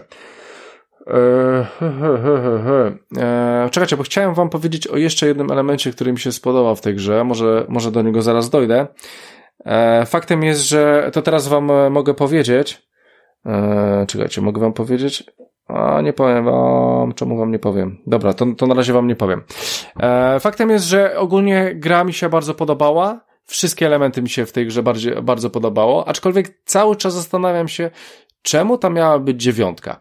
E, powiem wam, że końcówka jest taka oczywista, ale nieoczywista. W sensie, no, cała gra polega na tym, żeby uratować brata. No nie powiem wam, jak to się kończy, tak? E, w przeciągu całej gry można się domyślić, e, jak to się będzie wyglądało, ale nie wiedziałem, że gra pójdzie w takim troszeczkę innym kierunku na końcu i to było bardzo fajne. E, to, to mi się naprawdę podobało. Jest troszeczkę monotonia tego wszystkiego, że jednak te te plansze, te, te plansze, po które się poruszamy, te światy, ten, ten, te obszary, one są w miarę do siebie podobne, no i troszeczkę, trosze, tak chyba już tak, może pod koniec miałem dosyć mono, mm, sporo monotonię, e, pomimo tego, że tam końcówka jest zupełnie inna. E, to, to jednak już troszeczkę było dla mnie tego za dużo, jeśli chodzi o takie rzeczy. I chyba będę kończył, jeśli chodzi o to.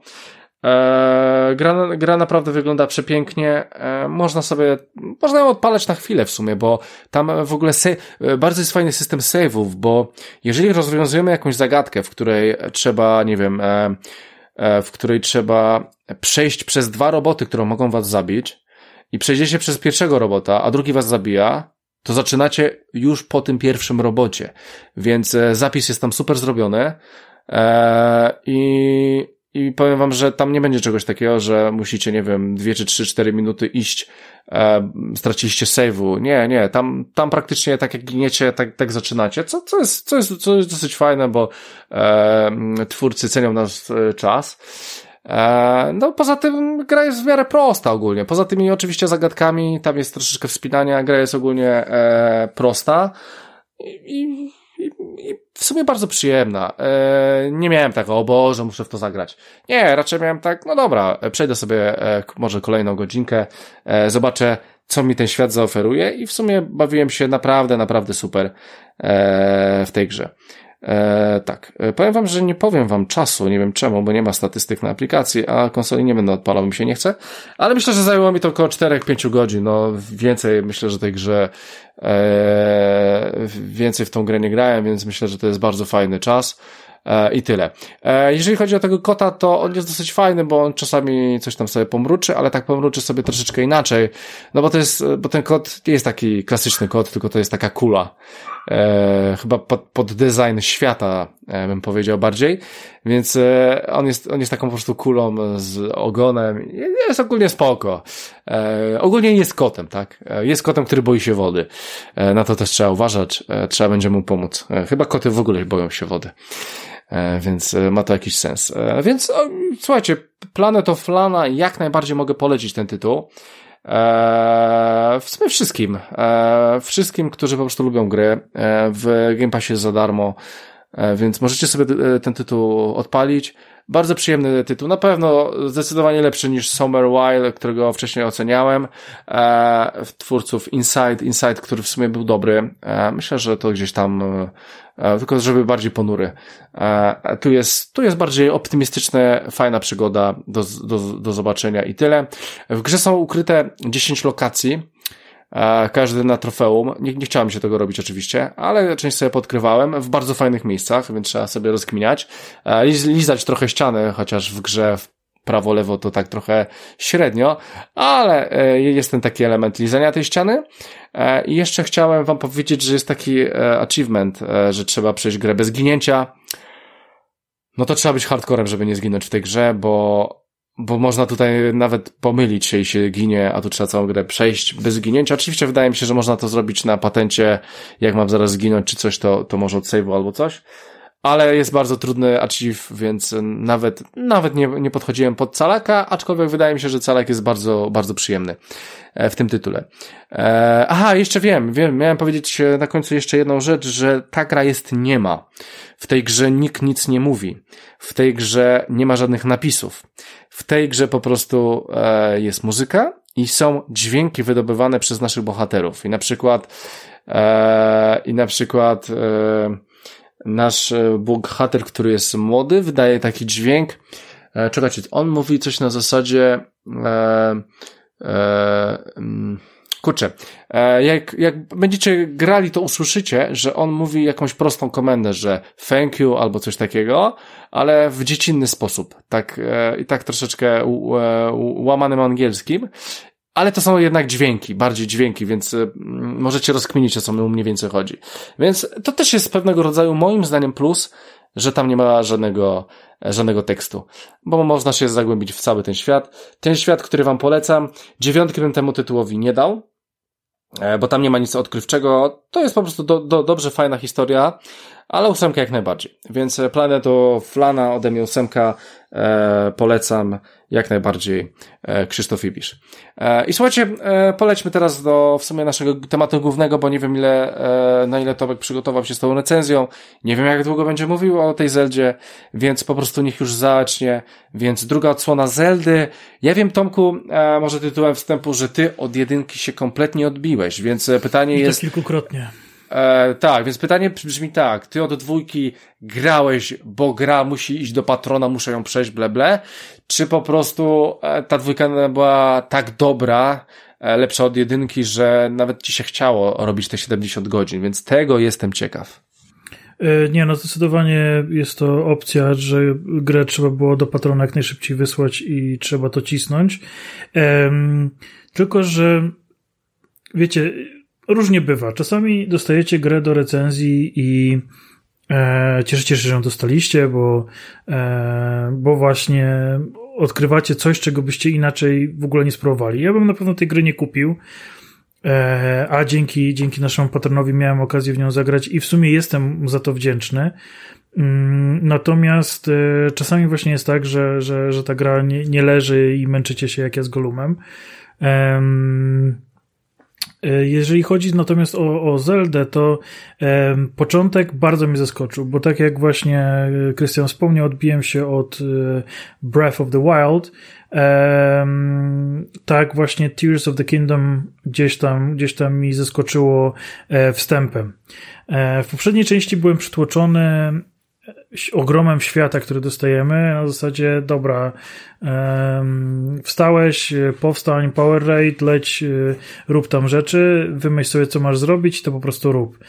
Um, I tak nie mogłem się zupełnie w tym odnaleźć.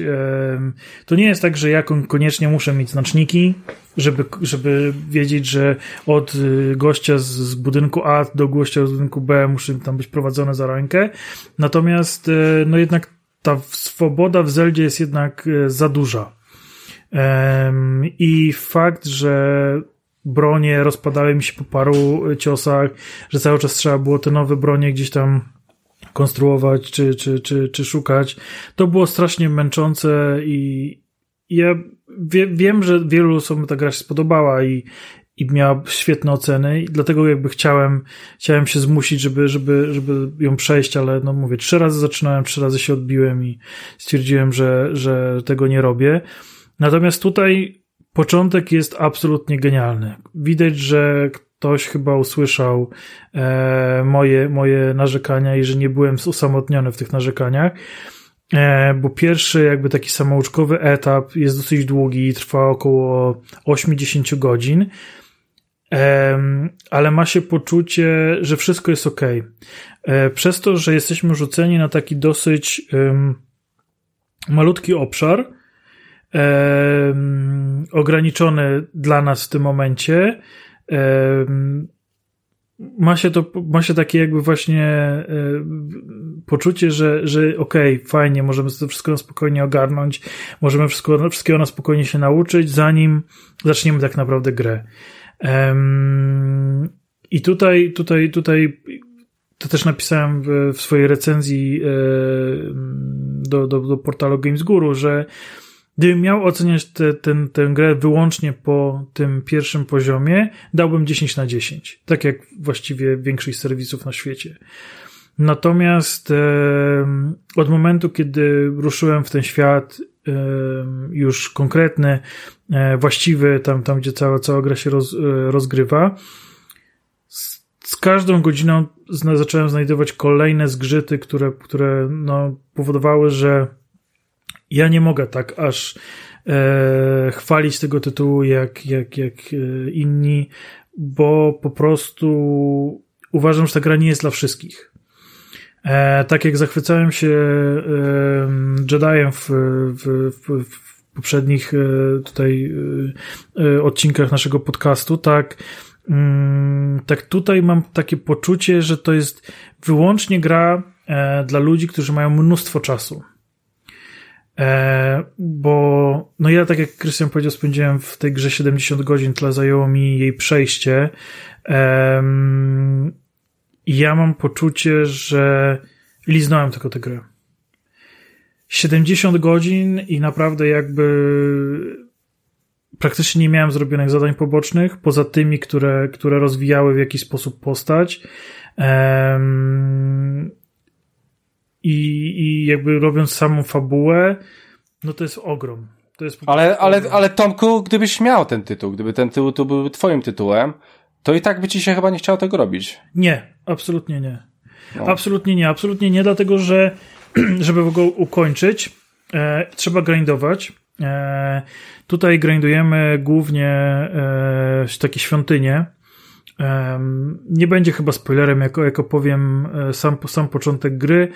Otóż e, gramy tym samym bohaterem, e, którego wymaksowaliśmy w Breath of the Wild. Oczywiście to nie jest e, zaciągnięta nasza postać z poprzedniej gry, ale jakby produkcja mówi nam, no słuchajcie, byliście koksem, uratowaliście królestwo, uratowaliście Zeldę, wszyscy są szczęśliwi, macie tam tych nawalone, tych serduszek na ekranie, że po prostu jesteście takim turbolinkiem, że łohohoho. Ho, ho.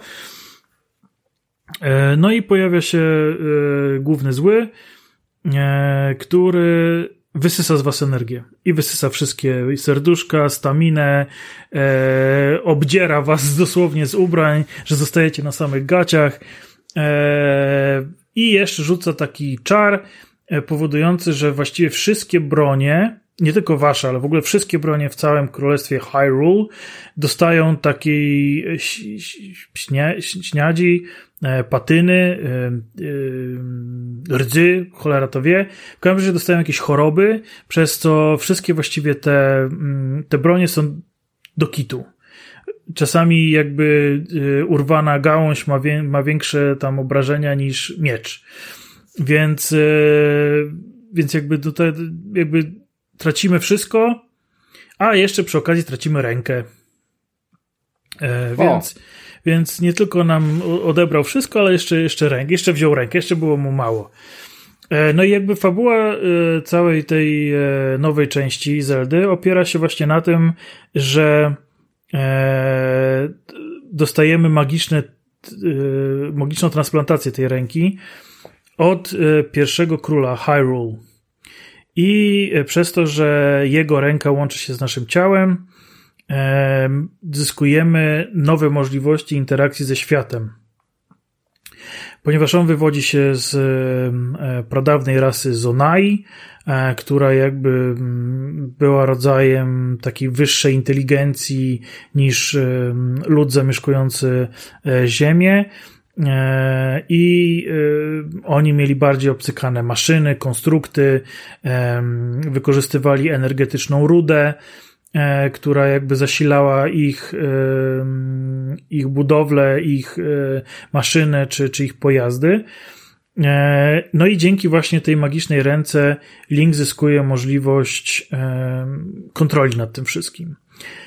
Nagle wiele rzeczy, które mogliście jakby przeżywać właśnie w poprzedniej części, Mm, teraz, mimo że jesteście na tej samej mapie, nagle się okazuje, że możecie znaleźć w, w tych samych miejscach zupełnie różne, różne akcje, e, właśnie dzięki, dzięki mocom tej ręki. Ta ręka również e, daje możliwość korzystania z kilku skilli, e, które poznajemy. Część jest właściwie nam dana, że tak powiem, fabularnie i ciężko je przegapić. Ale jest też parę, które można, można zupełnie pominąć, jeżeli się za słabo szuka. I pierwszą z takich e, najważniejszych umiejętności jest Ultra Hand. I to jest możliwość przenoszenia obiektów i łączenia ich specjalnym takim zielonym klejem, żeby coś osiągnąć. Czyli na przykład mamy zadanie, że tam komuś się popsuł wóz, bo tam nie ma koła. No to bierzemy sobie ultrahand, bierzemy koło, nowe koło, przyklejamy do wozu, wóz, wóz może jechać. Ale też możemy tym ultrahand budować na przykład sobie jakiś pojazd. E, czas, e, zaczynamy bardzo prosto, od na przykład wagonika e, takiej kolejki górniczej, E, stawiamy właśnie najpierw za pomocą tej ręki stawiamy ten wagonik na szynach, potem do tego wagonika podczepiamy e, taki wielki wiatrak, aktywujemy wiatrak i dzięki temu e, wagonik kolejki może podjechać na przykład pod górę, pod zniesienie. Bo inaczej jakby grawitacyjnie go cały czas ten go jakby spycha w dół. E, może, czy możemy zbudować tratwę z trzech e, bali drewna e, i e, żagle, które sobie tam przyczepiamy do, do, do tych bali. Więc takie, takie proste konstrukty. No już jakby e, mój Facebook jest tak zalany filmikami e, ludzi, co, co tam tworzą, że to jest mała bania. To, tam, to, to, to, co ja wam właśnie powiedziałem, to jest naprawdę, naprawdę sam szczyt góry lodowej e, tego, co można tym ultrahandem zrobić. E, kolejną, e, kolejnym skillem jest moc cofania w czasie. Przykładowo, właśnie często w tych świątyniach są zagadki logiczne polegające na tym, że coś płynie z prądem. No i jeżeli wskoczymy na to, no to popłyniemy z prądem, nie, nie, nie dotrzemy, musimy się jakby dostać w górę prądu.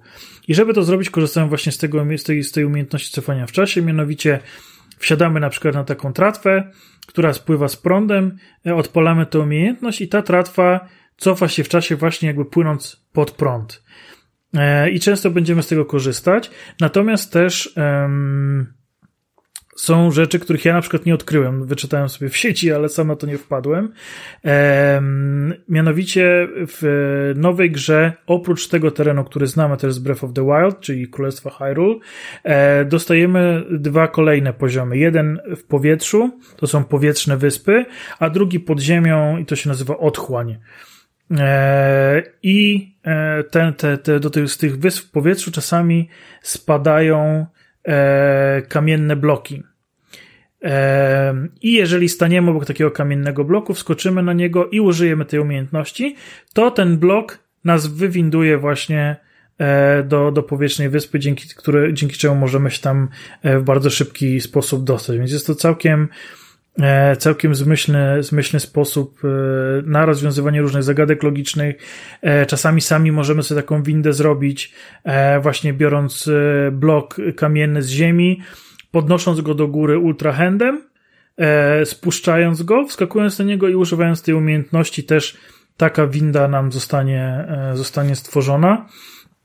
E, więc, więc, więc jakby tu jest sporo tych, sporo możliwości korzystania z tego. E, kolejną opcją właśnie związaną z tym, że e, te wszystkie bronie jakby straciły moc, jest możliwość scalania broni lub tarczy z kolejnymi przedmiotami. I tak na przykład możecie stworzyć miecz oburęczny, którego doklejony jest drugi miecz oburęczny, przez co to będzie super turbo oburęczny miecz, który będzie zadawać więcej obrażeń. Ale na przykład też do oboręcznego miecza możecie dołożyć tarczę i wtedy zyskujecie możliwość blokowania, normalnie niedostępną w przypadku walki dwoma, jakby, jakby mieczem oburęcznym. E, czy do tarczy możecie sobie dokleić e, właśnie wspomniane e, wózek kolejki górniczej i stworzyć sobie w ten sposób e, jeździć sobie e, po, po tych wszystkich szynach za pomocą takiej dyskorolki, e, czy też po prostu po, po ziemi. E, więc jakby możliwości klejenia tam jest mnóstwo. Do tego dochodzi miliard po prostu różnych rzeczy, części potworów, kwiatków, owoców, ród żelaza, no, no po prostu naprawdę miliony rzeczy. Każda z nich ma jakiś, jakąś tam właściwość e, i możecie za, za, za na przykład e, pokryć sobie miecz diamentem, e, dzięki czemu zyskacie jakąś tam moc. Czy, mm, czy połączyć jakiś e, chwyt miecza z e, ogonem e, przeciwnika i dostaniecie katanę. Więc, czy, czy kosę nawet, więc więc tych możliwości jest ogrom. No i trzeba strasznie kombinować, bo jakby te podstawowe bronie są super słabe, jeszcze obniżone jakby, jakby przez to wszystko, co się wydarzyło. E, I od początku gry musicie szukać rzeczy, które pozwolą wam wzmocnić te bronie, żeby w ogóle zadawać jakieś sensowne obrażenia. Więc to jest kolejny grind e, niezbędny, po prostu tych wszystkich rzeczy. Generalnie zbierajcie wszystko, bo e, e sakwy wam się nie kończą, jeżeli chodzi o materiały jest limit na e, liczbę e, broni do walki wręcz, łuków i tarcz, które też można sobie tam zwiększać, ale nie w nieskończoność. Natomiast jeżeli chodzi o powiedzmy ilość jabłek, e, to możecie mieć nieskończoną liczbę jabłek w, w ekwipunku, więc, więc warto po prostu zbierać wszystko. Ale też, no, jakby wiadomo, że te cenniejsze, e, cenniejsze rzeczy są, są rzadsze więc jak chcecie coś pokombinować, to musicie, musicie tam się nalatać. Natomiast e, problem pojawia się wtedy, kiedy e, chcecie na przykład ulepszyć sobie ekwipunek w postaci e, ubioru, bo ubiór składa się z trzech części. Generalnie spodnie, tunika i coś na głowę. I też właściwie można pominąć w sumie ten quest przez przypadek i nigdy się nie dowiedzieć, że można te rzeczy ulepszać ale jeżeli znajdziecie i faktycznie będziecie je sobie tam e, ulepszać, to też one wymagają olbrzymiej ilości super rzadkich rzeczy. Musicie polować na konkretne potwory, e, zbierać jakieś tam konkretne kwiatki i tak dalej, które są tylko w jakimś tam regionie, gdzieś tam, coś tam. Więc naprawdę jakby to jest gra którzy, dla ludzi, którzy uwielbiają e, grind. Ja mam takie w ogóle wrażenie, że to jest produkcja bardziej dla miłośników Minecrafta niż gier akcji. E, bo jakby głównym założeniem tego, Zeldy jest, że e, żebyście jakby korzystali ze swojej wyobraźni na absolutnie wszystkie sposoby.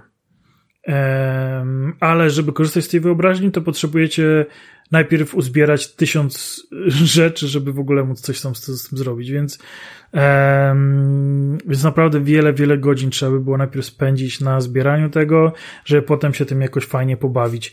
Oczywiście od początku, właściwie od premiery Słyszy się o różnych tam e, możliwościach, glitchach e, do duplikowania przedmiotów i wiem, że, że sporo z tych ludzi, którzy zamieszczają te filmiki, korzystają z tych glitchy. Natomiast no, Nintendo z tym walczy w różnych patchach, tam usuwa te glicze. Niemniej jednak, no, nadal, nadal trzeba się trochę tam nabiegać, żeby, żeby to wszystko zebrać. No więc y, łączenie jakby tych broni i tarcz z materiałami to jest kolejna umiejętność. E, następną umiejętnością jest teleportacja mm, przez obiekty stałe w górę. Mniej więcej polega to na tym, że stajecie sobie e, w jaskini, e, korzystacie z tej umiejętności i link leci do góry przez tam ziemię, grudy, skały, cokolwiek i wychodzi na zewnątrz. I szczerze wam powiem, że e, jest to jedna z umiejętności, na które wpadałem najrzadziej, e, kiedy chciałem coś zrobić. Tam kombinowałem, kleiłem jakieś tam deski, coś tam, jakieś, naprawdę tam wymyślałem rzeczy, żeby się okazało, że po prostu mogłem stanąć w jednym miejscu, kliknąć jeden przycisk i iść teleportować gdzieś tam, żeby się dostać na górę błyskawicznie i, i parę razy tak naprawdę się oczywiście zakląłem e, wściekły, że, że nie wpadłem na to wcześniej, ale jakoś kompletnie ta umiejętność jest dla mnie tak nie, niespotykana we wszystkich innych produkcjach, że, że zapomniałem o niej. Że zwyczajnie o niej zapominałem, że mam możliwość teleportu w górę właściwie wszędzie. E, a czasami naprawdę można olbrzymie, olbrzymie e, odległości pokonać jakby w górę w ten sposób, dostając się do wcześniej niedostępnych miejsc, więc, e, więc wow, po prostu wow. Um, ale jest to dość, dość, dość ciekawe i, i, trzeba przyznać, że no tutaj, czy, czy ta właśnie umiejętność cofania się w czasie przedmiotów, czy, czy ten teleport, um, no to robi wrażenie, że ktoś to zaimplementował i to faktycznie działa. No. E, ostatnią umiejętnością, tą, którą właściwie najtrudniej znaleźć, e, jest jakby zapisywanie swoich konstrukcji w takim dzienniczku. Możecie tam też sobie um, zapisywać ulubione e, wynalazki i odtworzenie ich e, właściwie błyskawicznie e, albo z przedmiotów, które leżą wokół, e, czyli nie musicie jakby ręcznie kleić 10 elementów, tylko, tylko e, gra to zrobi za was. Ale też, jeżeli wykorzystacie jeden z surowców, właśnie tą energetyczną rudę żelaza, E, to e, to jakby zespawnujecie cały ten konstrukt e, z powietrza. Więc możecie sobie właśnie pójść do jakiegoś miejsca, gdzie, gdzie, są, gdzie są super jakby przydatne elementy, złożyć jakiegoś turbo robota, który będzie tam strzelał laserami, prądem, ogniem, rakietami i w ogóle gotowy obiad, żeby potem go dosłownie e, na, na, na w szczerym polu postawić e, za, za cenę tej, tej rudy żelaza. Więc, e, więc jest to bardzo fajny pomysł. Ale znów, no musicie mieć naprawdę sporo, sporo zaparcie, żeby, te, żeby tego żelaza tam nazbierać. Mm, więc, więc to jakby, no jest to coś za coś. Natomiast, no, fajny pomysł, bo um, tych konstrukcji buduje się bardzo dużo. E, najczęściej do takiego przemieszczania się korzystamy z kilku, więc fajnie mieć to podpięte właśnie pod ulubione, gdzie, gdzie, gdzie bardzo szybko stworzycie sobie coś, nie wiem, jakiś latający skuter czy, czy, czy inny e, samochód e, i raz, dwa sobie odjedziecie, a jeżeli wam właśnie czegoś brakuje, to to możecie sobie dokupić e, gdziekolwiek jesteście i, i też z tego skorzystać. Także E, no, gra na pewno jest super przemyślana, e, jest super nastawiona na, na wyobraźnię, na, na, na kreatywność i absolutnie z tego korzysta. Natomiast e, no, trzeba mieć mnóstwo, mnóstwo, mnóstwo, mnóstwo godzin, żeby cokolwiek faktycznie z tego zrobić. Ja starałem się mm, jakby przejść te produkcje gdzieś tam no w miarę jak najszybciej. Zajęło mi to 70 godzin, e, bo w kilku miejscach e, gra wymaga od tego, e, od was tego, żebyście mieli konkretną liczbę serduszek tych odblokowanych życia i konkretną liczbę paska staminy, bo inaczej nie będziecie w obu przypadkach mogli otworzyć drzwi. Są dwie pary drzwi w dwóch różnych miejscach i właśnie jedna, jedna drzwi wymagają E, wymagają właśnie zużycia waszego życia, a e, drugie drzwi wymagają e, staminy, więc więc no bez tego, bez tego po prostu się nie pójdzie dalej. Tomku, to trochę się wspomnę. Powiedz mi w takim razie z tą grafiką tutaj, bo no. czytałem no czytałem, że tam są dropy, mogą być nawet do 20 klatek. Powiedz mi, jak to jest, czy ta grafika wygląda, czy w ogóle gra wygląda lepiej niż jedynka, e, dużo lepiej, ten sam sprzęt i jak to w ogóle działa? Mm, nie wygląda lepiej ani trochę. Przynajmniej dla mnie, ja nie, ja, nie, ja nie poczułem, żeby wyglądała lepiej. Uważam, że już pierwsza Zelda była jakby absolutnie mm, maksymalnym, maksymalną możliwością, jaką Switch jest w stanie uciągnąć, jeżeli chodzi o grafikę. I tu jest tak samo dobrze. Są momenty, to wrzucałem też do tej swojej pisanej recenzji e, screeny. Są momenty, zwłaszcza przy wschodach i zachodach słońca, kiedy ta gra zyskuje na jakości jakby takiej wizualnej, ale przez zdecydowaną większość czasu jest znośna, a czasami wręcz brzydka. E, jeżeli chodzi o same dropy, to testowałem grę e, głównie w wersji e, we włożonym doku Switchu i grałem na telewizorze, czyli teoretycznie gra ma wtedy więcej mocy dostępnej niż, niż w handheldzie, ale grałem też, też, też, też w tej drugiej opcji i ani razu naprawdę przez 70 godzin nie miałem nawet jednego dropa. Mhm. Więc y, fakt, że gram na dość nowym Switchu mm, OLEDowym, mm, mhm. którego kupiłem przy okazji premiery Pokémonów ostatnich, czyli to jest je, późna jesień zeszłego roku. Mm, jakoś tak chyba. Więc, y, więc y, no mam nową konsolę, tak? Nie mam, nie e, sprzedałem swojego e, Gen 1 e, jakiś czas temu i, i, i mam tego OLEDa, więc myślę, że to może być to, że, że u mnie po prostu ta konsola jest nowa, więc te wszystkie podzespoły nie są tak zużyte, są, są nowsze, więc, więc no, nie, nie miałem naprawdę żadnych problemów technicznych. Dużo się o tym pisało, u mnie naprawdę nie wystąpiło absolutnie nic. E, natomiast no, mówię, no jakby no z tego sprzętu nie wyciągnie się więcej.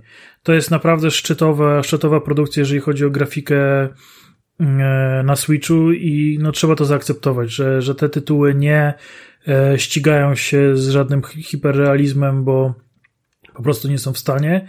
W wielu miejscach naprawdę miałem takie poczucie, że kurde, no trochę brzydko to wygląda. E, w wielu miejscach właśnie po tym, jak oglądałem screenshoty, bo nastrzelałem tych screenshotów mnóstwo, miałem taki, ja pierdzielę, no przecież nie wrzucę tego do recenzji, bo to jest jakiś absolutny ziemniak. Ale są też naprawdę właśnie e, ujęcia, kiedy ta gra wygląda przepięknie, więc myślę, że no, no albo się zgadzacie na to, że to jest Switch, jest to konsola, która już e, w chwili swojej premiery 7 lat temu e, była sprzętowo zacofana e, i po prostu no tak jest. Albo faktycznie jakby grafika jest dla was super ważna, wtedy w ogóle sprzedajcie Switcha i gdzie indziej, no bo ta konsola nie da wam tego, nie? No, no. No dobra, to w takim razie mi powiedz Tomko, czemu nie dziesiątka? Przecież wszędzie są dziesiątki, naprawdę. Ja tu patrzę po wszystkich tych stronach Każda strona daje dziesiątkę. E, czemu, czemu chcesz być inny? Czemu, czemu chcesz, chcesz odejść od, od tego, tak jak myślą wszyscy? Ja tego kompletnie nie rozumiem. Daj dziesiątkę i, i będzie po problemie. No nie mogę, nie mogę. Ja jestem ogólnie dziwny i mi się zazwyczaj podobają mm, gry, które przez mainstream na przykład oceniane są na 6 na 10, a z kolei jak na przykład Forspoken, gdzie nawet ostatnio u nas na, na, na grupie e, bezimiennego podcastu e, usłyszałem, że, mam, że jakby, żebym spadał w ogóle, jak, jak, może, jak mogę w ogóle cokolwiek o Forspoken mówić, i jak mogę chcieć w to grać, jak to jest taki gniot. E, Podobnie było z dziesiątką w Star Warsach też, nie? Tak, tak, tak, więc jakby e, chociaż chyba wydaje mi się, że dziesiątka przy Star Warsach jest mniej kontrowersyjna e, mimo wszystko. No, okej. Okay. E, natomiast e, no ja troszkę inaczej podchodzę do tego, e, do, do, do tych gier, jakby inaczej na to patrzę i na pewno też z jednej strony z lekkim niepokojem obserwowałem ataki na redaktorów, którzy ośmielili się dać niższą ocenę tej grze, jak na przykład chyba E, już teraz nie zapatrzę, uciekła mi nazwa. W każdym razie pierwsza taka osoba, która dała niższą cenę i tam naprawdę gościowi grozili śmiercią. E, też e, łowcy gier w swojej recenzji dali chyba ósemkę i też tam ludzie w komentarzach pojechali z nimi strasznie. Natomiast prawda jest taka, że ta gra może być zajebista. Pod wieloma względami jest unikalna, wyjątkowa i na pewno każdy, kto jara się grami, powinien ją spróbować. ale uważam, że nie jest grą dla wszystkich, bo yy, nie czarujmy się, no rozmawiamy tutaj z, z ludźmi na, na, na, na grupach, Ludzie bardzo lubią produkcje na 10-12 godzin, takich wypełnionych na maksa contentem, które przejdą. Im te gry, przechodzenie tych gier zajmuje czasem miesiąc, takich właśnie 10-12 godzin, bo tyle mają czasu. I teraz siadają do takiej Zeldy, e, która przy minimalnym w ogóle jakimś tam e, próbie wejścia w ten świat i przejścia zajmuje 70 godzin to dla tych ludzi to będzie cały rok grania, że oni nie mhm. będą w nic innego grali. I jeszcze, żeby to w ogóle osiągnąć, będą musieli jakby cały czas coś grindować, cały czas po prostu robić coś, na co nie mają ochoty. No dobra, ale to, ale to, dobra, to w takim razie, jak tam tak mówisz, to twoim zdaniem to, że gra jest taka duża, to jest jej minus? Tak. Znaczy jest minus, y, bo jakby mogą być różne, jakby różne wielkości. są gry duże, które są wypełnione jakby fajnym contentem, ale są gry y, duże, które, które po prostu cię nużą, jak na przykład ostatnie Asasyny, tak?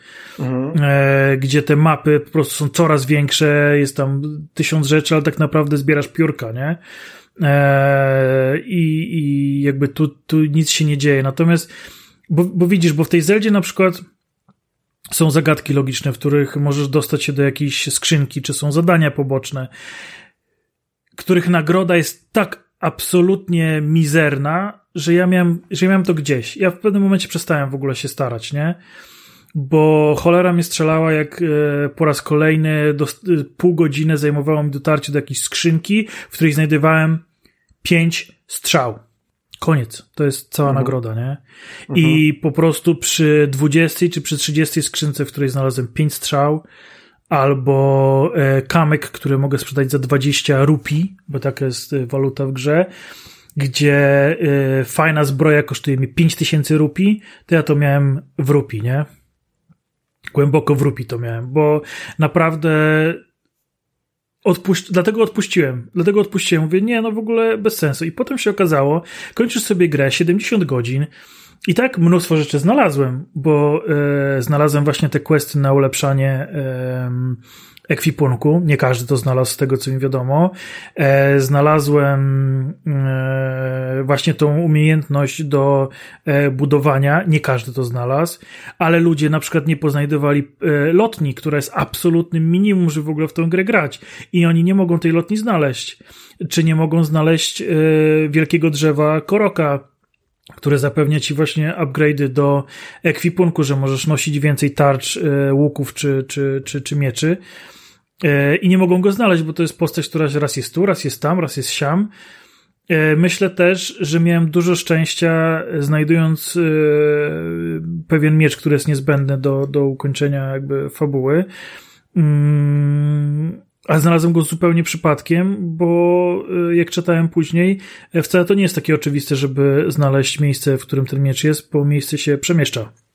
Hmm. Więc e, jest mnóstwo takich rzeczy i ja na przykład kończąc tę grę, oglądając napisy końcowe, pisząc recenzję, dowiedziałem się, już na, po napisaniu recenzji, dowiedziałem się, że na przykład Link może mieć swój własny dom w tej grze. I ja tego questa w ogóle nie znalazłem. Ludzie hmm. wysyłali mi, te, znaczy nie, nie, przepraszam, tylko pojawił, e, jako że dużo tam googlowałem o, o, o Zeldzie, to Facebooka zalanego reklamami e, z, tej, z tej produkcji i ja patrzyłem, że oni tam pokazują, jak chwalą się jakimiś domami. Ja mówię, ja pierdzielę, jakimi domami, nie? Co jest jakiś mod? Czy, czy, czy coś ludzie na PC to ten? I ja tu googluję. Nie, normalnie Questlink może mieć dom, możesz tam budować, coś tam robić, e, sadzić tam grządki na dachu. Ja kompletnie tego nie znalazłem, nie? Mhm. Ten obszar jest tak olbrzymi, jest całe to, całe, cała ta przestrzeń tego Hyrule to jest chyba 4000 metrów na 4000 metrów, czyli tam no 16 km kwadratowych. Do tego drugi taki obszar znajduje się w podziemiach. I jeszcze y, są te y, podniebne wyspy. I jeszcze są, jest tam, nie wiem, kilkaset tych y, świątyń, w każdej, w każdej jest challenge. są jakieś tam labirynty, które już sobie kompletnie odpuściłem. E, trochę tam się pobawiłem w, w szukanie skarbów, bo, bo jak przy, przeszukiwałem te podniebne wyspy, to tam znajdowałem mapy do skarbów. E, no i tam można odblokować wtedy, one głównie prowadzą do podziemi i tam można e, znajdować na przykład jakieś klasyczne stroje Linka, czy, czy jakieś tam bardziej wypasione rzeczy. I tego jest absolutnie miliard. I wszystko fajnie, a potem sobie oglądam te filmiki, co tam ludzie robią, to jest wszystko fajnie, tylko że to po prostu zabiera strasznie dużo czasu. Ja, na, ja musiałbym wszystko rzucić i po prostu grać, grać tę grę non-stop, co ludzie robią. Więc uważam, że to jest gra dla bardzo konkretnej grupy odbiorców i większość e, graczy się od tej produkcji odbije, bo nie będzie miała na nią zwyczajnie czasu, żeby dojść do takiego poziomu, który ludzie prezentują w filmikach e, na Facebooku, na YouTubie, na TikToku, już to nie ma znaczenia, bo e, ilość rzeczy potrzebna do tego, żeby robić to, co oni tam robią, to są naprawdę setki godzin grania. Hmm. No tak. No spoko. Ja, ja w ogóle chciałem się jeszcze cię spytać o historię w tej grze. Czy tam w ogóle jest jakaś historia? To ona no jest, ma... ale, ale... Aha, okej, okay. no dobra. Powiem no ci tak, nie? 70 godzin grania i tak naprawdę ja mam w dupie tą historię, nie? Bo yy, no Hurdur, pojawił się główny zły, Zelda zniknęła, ty straciłeś wszystkie moce, e, teraz musisz e, go pokonać. O, ja, to, coś, to coś nowego. Musisz uratować królestwo i tylko ty możesz to zrobić, Link. No tak. No, okay. I jasne, są tam filmiki, jest trochę tej historii o tych Zonai, skąd oni się wzięli, co oni robili i w ogóle, i w ogóle.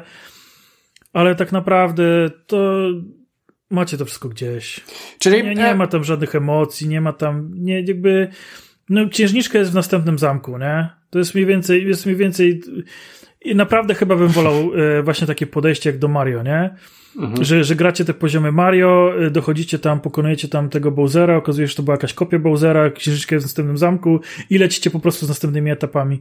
Bo te dialogi są naprawdę, no tam gadają, coś tam mówią, to wszystko jest bez sensu. Tam są jakieś dramaty, ale tak naprawdę w ogóle nie czujecie, że, że, że, mm, że to was obchodzi. Eee, skupiacie się na tym, co trzeba zrobić. To nie jest łatwe, bo gra pokazuje wam znaczniki, ale najczęściej pokazuje wam złe znaczniki. E, a nawet jak już skapujecie, że ten znacznik was prowadzi w złe miejsce, e, to okazuje się, że na przykład opis tego zadania e, też prowadzi was w złe miejsce. Więc często po prostu błądzicie, żeby gdzieś coś tam znaleźć, żeby coś gdzieś pchnąć do przodu. I, I to jest wszystko po prostu strasznie męczące strasznie, strasznie męczące. Dostajecie naprawdę taki olbrzymi, olbrzymi świat, w którym wszystko może być absolutnie wszędzie, na olbrzymim terenie i domyślcie się, gdzie to jest. No, yy, dochodzicie właśnie do, do takiego momentu, że tam już jest jakby, yy, już tak widać, że tam ta fabuła się już kończy prawie. No i, yy, i tam taka pani, która wam to zadanie zleca, mówi, no dobra, to już jesteśmy gotowi, Musisz tylko znaleźć tego głównego złego. A ty mówisz, a ty właściwie nie mówisz, bo link jest niemową, no ale tam y, jest chwila pauzy. Y, no ja nie wiem, gdzie on jest. Y, może być wszędzie. Poszukaj. Hmm. I tam ten, pojawia się komunikat, zaczęte tam zadanie, pokonaj głównego złego. Mhm. I koniec. O, może być absolutnie wszędzie i żadnej w ogóle wskazówki, niczego. Masz go pokonać, my nie wiemy. Właściwie tutaj nic nie robimy, tylko czekamy, aż ty przyjdziesz. Właściwie to mógłbyś przynieść jeszcze trochę ryżu i parę belek drewna, bo, bo potrzebujemy tej wioskę odbudować. Ale tak naprawdę to, to yy, tylko ty no dobra. zrobić. E, Tomku, to ja jeszcze mam takie, e, takie, to, takie coś. Szczelęczuj się z tym. No. Czy świat jest tak samo pusty jak w, e, w jedynce? Mhm, jest. Jest tak samo pusty jak w jedynce. Powiedz mi, mhm. mówiłeś o tym ekwipunku, czy on się też tak samo chujowo psuje jak w jedynce? Tak samo chujowo się psuje. Czyli co chwilę grasz czymś innym. Mhm. A tak. powiedz, I to jeszcze a, trzeba no. kombinować, bo e, już nawet jak uda ci się skonstruować coś, co w ogóle bije, to potem e, walniesz tym trzy razy, to się rozpada, nie? E, tam są jakieś takie bronie, coś możesz znaleźć i to ma podpis, jest podpis na przykład, że e, to ma e, tam wie, większą jakby wytrzymałość. Ale nawet to, no machniesz tam parę razy. Bardzo dużo jest skał do niszczenia. Żeby te skały mm, zniszczyć, e, potrzebujesz połączyć jakiś miecz e, z, z inną skałą. I też machniesz tym trzy razy i znowu to trzeba wyrzucać. Zazwyczaj, co prawda, w takich miejscach oni ci wyrzucają jakieś tam takie bieda bronie, żebyś sobie mógł je tam z, z, e, pokleić z tymi skałami, ale to nadal jest takie też nużące. Mhm. Odkryłem tą deskorolkę, jak zrobić. Jaram się tą deskorolką strasznie. Sru, e, twoja tarcza się rozpadła, nie? Bo jeździłeś na deskorolce. E, czy też było takie zadanie, że w jednej z podniebnych e, wysp trzeba było przenieść magiczny kryształ z jednej wyspy do drugiej, nie połączonej ze sobą, żeby, żeby aktywować świątynię, bo każda świątynia to jest też punkt szybkiej podróży, więc więc, więc warto je jakby przechodzić, żeby móc potem się tam e, teleportować w, w dowolnej chwili. No więc skonstruowałem sobie zajebistą lotnię, wyczarowałem tam naprawdę cuda. Lecę z, jed- z tej wyspy, gdzie jest ta świątynia, do wyspy, gdzie jest kryształ. Doleciałem na miejsce, zapakowałem kryształ. Naprawdę ta lotnia po prostu petarda, jest tak zadowolony z tej lotni. Obracam się, yy, znaczy obracam tą lotnię, żeby wrócić na tą wyspę ze świątynią, żeby ten kryształ przewieźć i nagle w połowie trasy mi się ta lotnia rozpada, bo się zużyła. Mhm. Wiem o co chodzi. I spadłem razem z kryształem, nie? I jakby wszystko od początku, więc jakby no mnie to irytuje, nie? Mnie to strasznie irytuje. Mm, tam potem, no nie, to, to, to, to będzie za duży spoiler, ale generalnie e, te bronie się szybko niszczą, e, materiały, żeby zbudować coś nowego są super rzadkie. Ale też ciekawostka, bo wejście do głównego złego broni e, taki centaur i z tym centaurem biłem się chyba ze trzy razy dłużej niż z głównym bossem. Bo walka z głównym bossem polegała na, na zagadce, że tak powiem, przestrzennej, bardziej niż na zadawaniu obrażeń. Natomiast tego gościa trzeba było tam pocisnąć i, i chyba 45 minut z nim walczyłem, e, bo moje najlepsze bronie się właśnie zużywały po trzech atakach, a jego pasek z życiem się prawie nie ruszał, nie? Więc no to nie jest, to nie jest gra akcji, nie? To nie jest gra akcji, to nie jest e, też do końca RPG, no bo tak naprawdę nie ma tutaj rozwoju postaci. Są te serduszka, jest ta stamina, ale, ale to tak jakby nie do końca wpływa na, na postać. Są różne e, te zbroje, czy tam czy, czy, czy ubrania, czy jak to tam zwał, czapki niewidki, e, które mają tam jakieś skille, ale tak naprawdę, żeby to działało, to trzeba mieć wszystkie trzy, a żeby mieć wszystkie trzy, to trzeba się strasznie naszukać. Więc ja właściwie znalazłem prawie że na początku e, taką świecącą kamizelkę, w ciemności, no bo tam w tej otchłani podziemia jest super ciemno, jest też cała, cała mechanika, żeby tam rozświetlać to, to ten, no ale żeby e, ogólnie znalazłem taką właśnie zbroję z lampkami i właściwie biegałem w niej do końca gry. Bo mhm. to była jedyna zbroja, którą udało mi się jakkolwiek ulepszyć, bo na wszystkie inne nie miałem e, środków. E, czy na przykład znalazłem tylko jedne spodnie od kompletu, czy tam coś, więc tak, no Możliwości jest ogrom, ale naprawdę, żeby z nich skorzystać, trzeba setek godzin gry. E, powiedz mi jeszcze o zagadkach. Czy te zagadki są trudne, wymagające, czy są dla e, dzieci? Ani takie, ani takie. Są gdzieś po środku. Mhm. E, generalnie, jak się właśnie już wkręcicie w mechaniki produkcji, e, to niektóre są łatwiejsze, niektóre są trudniejsze. Bardziej chodzi o sposób myślenia, e, sposób jakby rozwiązywania tych zagadek, żeby się go nauczyć, wtedy, wtedy to, to wchodzi, e, niż, niż, niż, jakaś inna, niż jakaś inna trudność, ale trzeba cały czas mieć jakby otwarty umysł i wachlować e, jakby tymi umiejętnościami, czy raz korzystamy z tego, raz korzystamy z tego. Mocno nieszablonowe podejście są tutaj premiowane żeby to wszystko po prostu ogarnąć. E, no i właśnie trzeba pamiętać, że, że czasami e, warto gdzieś poszukać jakieś miejsce, żeby dostać się wyżej, dzięki temu teleportowi przez, przez e, pionowym. mm, przez skały, żeby właśnie na przykład okazało się, że coś będzie dużo łatwiejsze, więc mm, cały czas, cały czas trzeba kreatywnie myśleć i to jest główna trudność tutaj, żeby wpaść na właściwe rozwiązanie, bo, bo, bo, bo jak już się wpadnie, to jest spoko, ale też e, zapędziłem się w jednym miejscu w takiej e, e, wnętrzu góry z lawą. Zapędziłem się w, w miejsce, w którym właśnie chciałem odblokować jedną ze świątyń. I przez to, że tam było dużo zniszczonych tych torów, to potraciłem wszystkie wagoniki. E, I nie mogłem już wyjść stamtąd inaczej niż teleportować się na zewnątrz, e, bo nie miałem jakby w ekwipunku wagoniku, to jeszcze można właśnie takie przedmioty nosić e, w takich kulkach, jak, jak e, wiecie, w tych automatach za dwa złote to wrzucacie dwójkę i przekręcacie i wypada wam kulka, to też jest taka mechanika i w tych kulkach można mieć właśnie różne przedmioty, w tym wagoniki, ale ja akurat nie miałem, e, bo jeszcze tego nie odblokowałem. I byłem po prostu w dupie.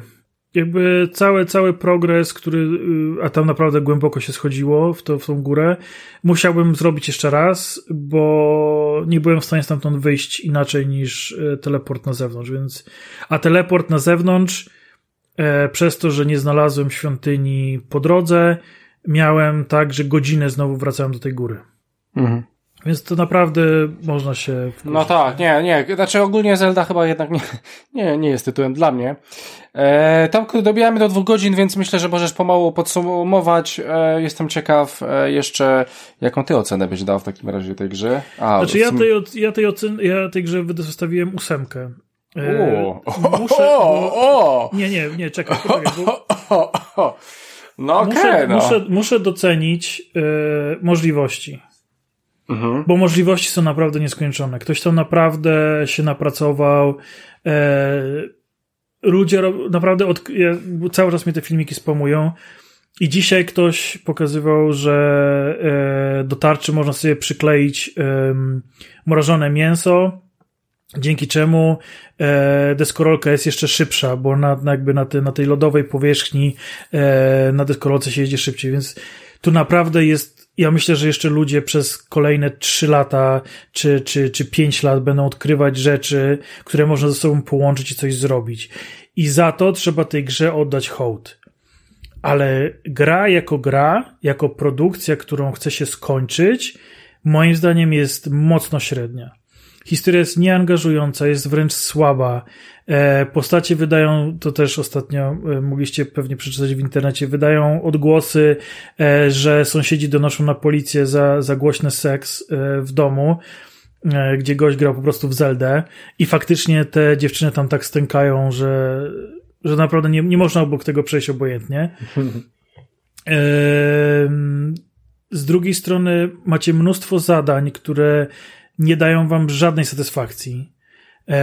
Jesteście super turbo bohaterem, już nie zliczę ile razy Link ratował to królestwo, a i tak e, jakby każdy was wysyła po pięć jabłek, bo nie chce w ogóle z wami gadać, jak nie przynieście mu pięciu jabłek, e, że to jest po prostu troszkę słabe. E, więc jeżeli jesteście fanami takiego kreatywnego myślenia i nie przeraża was setka godzin grindu rzeczy, żeby potem zrobić jeden filmik, którym pochwalicie się znajomym, to spoko, to ta Zelda was po prostu pochłonie i nie będziecie nic innego grać. Ale jeżeli jesteście właśnie osobami takimi jak ja, którzy lubią nawet, nawet, nawet te gry w otwartym świecie, które zawsze zajmują więcej czasu, pograć sobie, ale skończyć, ale mieć coś z tego, mieć jakąś, jakiś, jakąś energię, jakiś taki wciągnięcie się, postacie, żeby coś, żeby coś takiego było yy, fajnego dla was, to to nie jest, to nie jest, to nie jest ta produkcja, nie? To jest naprawdę, ileś tam 10 godzin zmarnowanych e, dla pięciu strzał, to jest naprawdę nie, nie warta nagroda. Ja cieszę się, ja naprawdę się cieszę mimo wszystko, bo mogę wziąć udział w tej dyskusji. Mogę, mogę, mogę z kimś podyskutować, uważam, że mam pełne prawo do tego, e, także cieszę się, że, że patron wybrał właśnie Zeldę i że to ona do mnie trafiła e, tutaj ze składu naszego. Mm, ale na pewno jest to gra, do której ja nie wrócę i, i nie jest to moja gra po prostu. Mhm. Dobra, e, słuchajcie, więc to tyle. E, Zelda jest od naszego patrona okularka, więc bardzo dziękujemy za taką możliwość. Dzięki udało, udało, nam się, udało nam się to skończyć w sumie.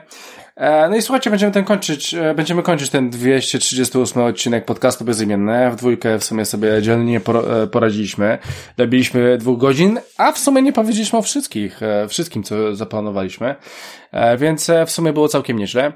Ja standardowo oczywiście zapraszam Was na naszą stronę bezimienny.pl, tam wrzucamy odcinki. Poza tym oczywiście jesteśmy na Facebooku, mamy swoją grupę zamkniętą facebookową.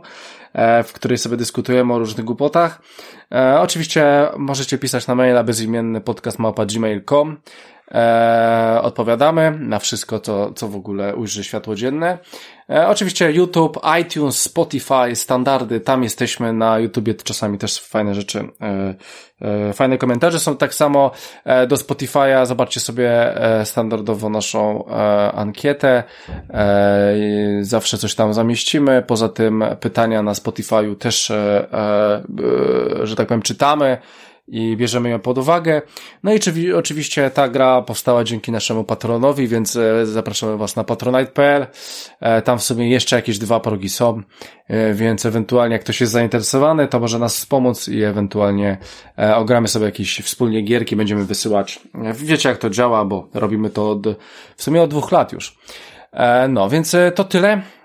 Słuchajcie, to, był, to była Zelda, to był 238 odcinek podcastu Bezimienny. E, moim gościem był dzisiaj Tomasz Arowasiewicz. Dzięki wielkie i do usłyszenia następnym razem. E, ja miałem na imię Christian Kender, my standardowo słyszymy się pewnie gdzieś w okolicach dwóch tygodni, na pewno w większym składzie, więc e, do usłyszenia drodzy słuchacze, trzymajcie się. Hej!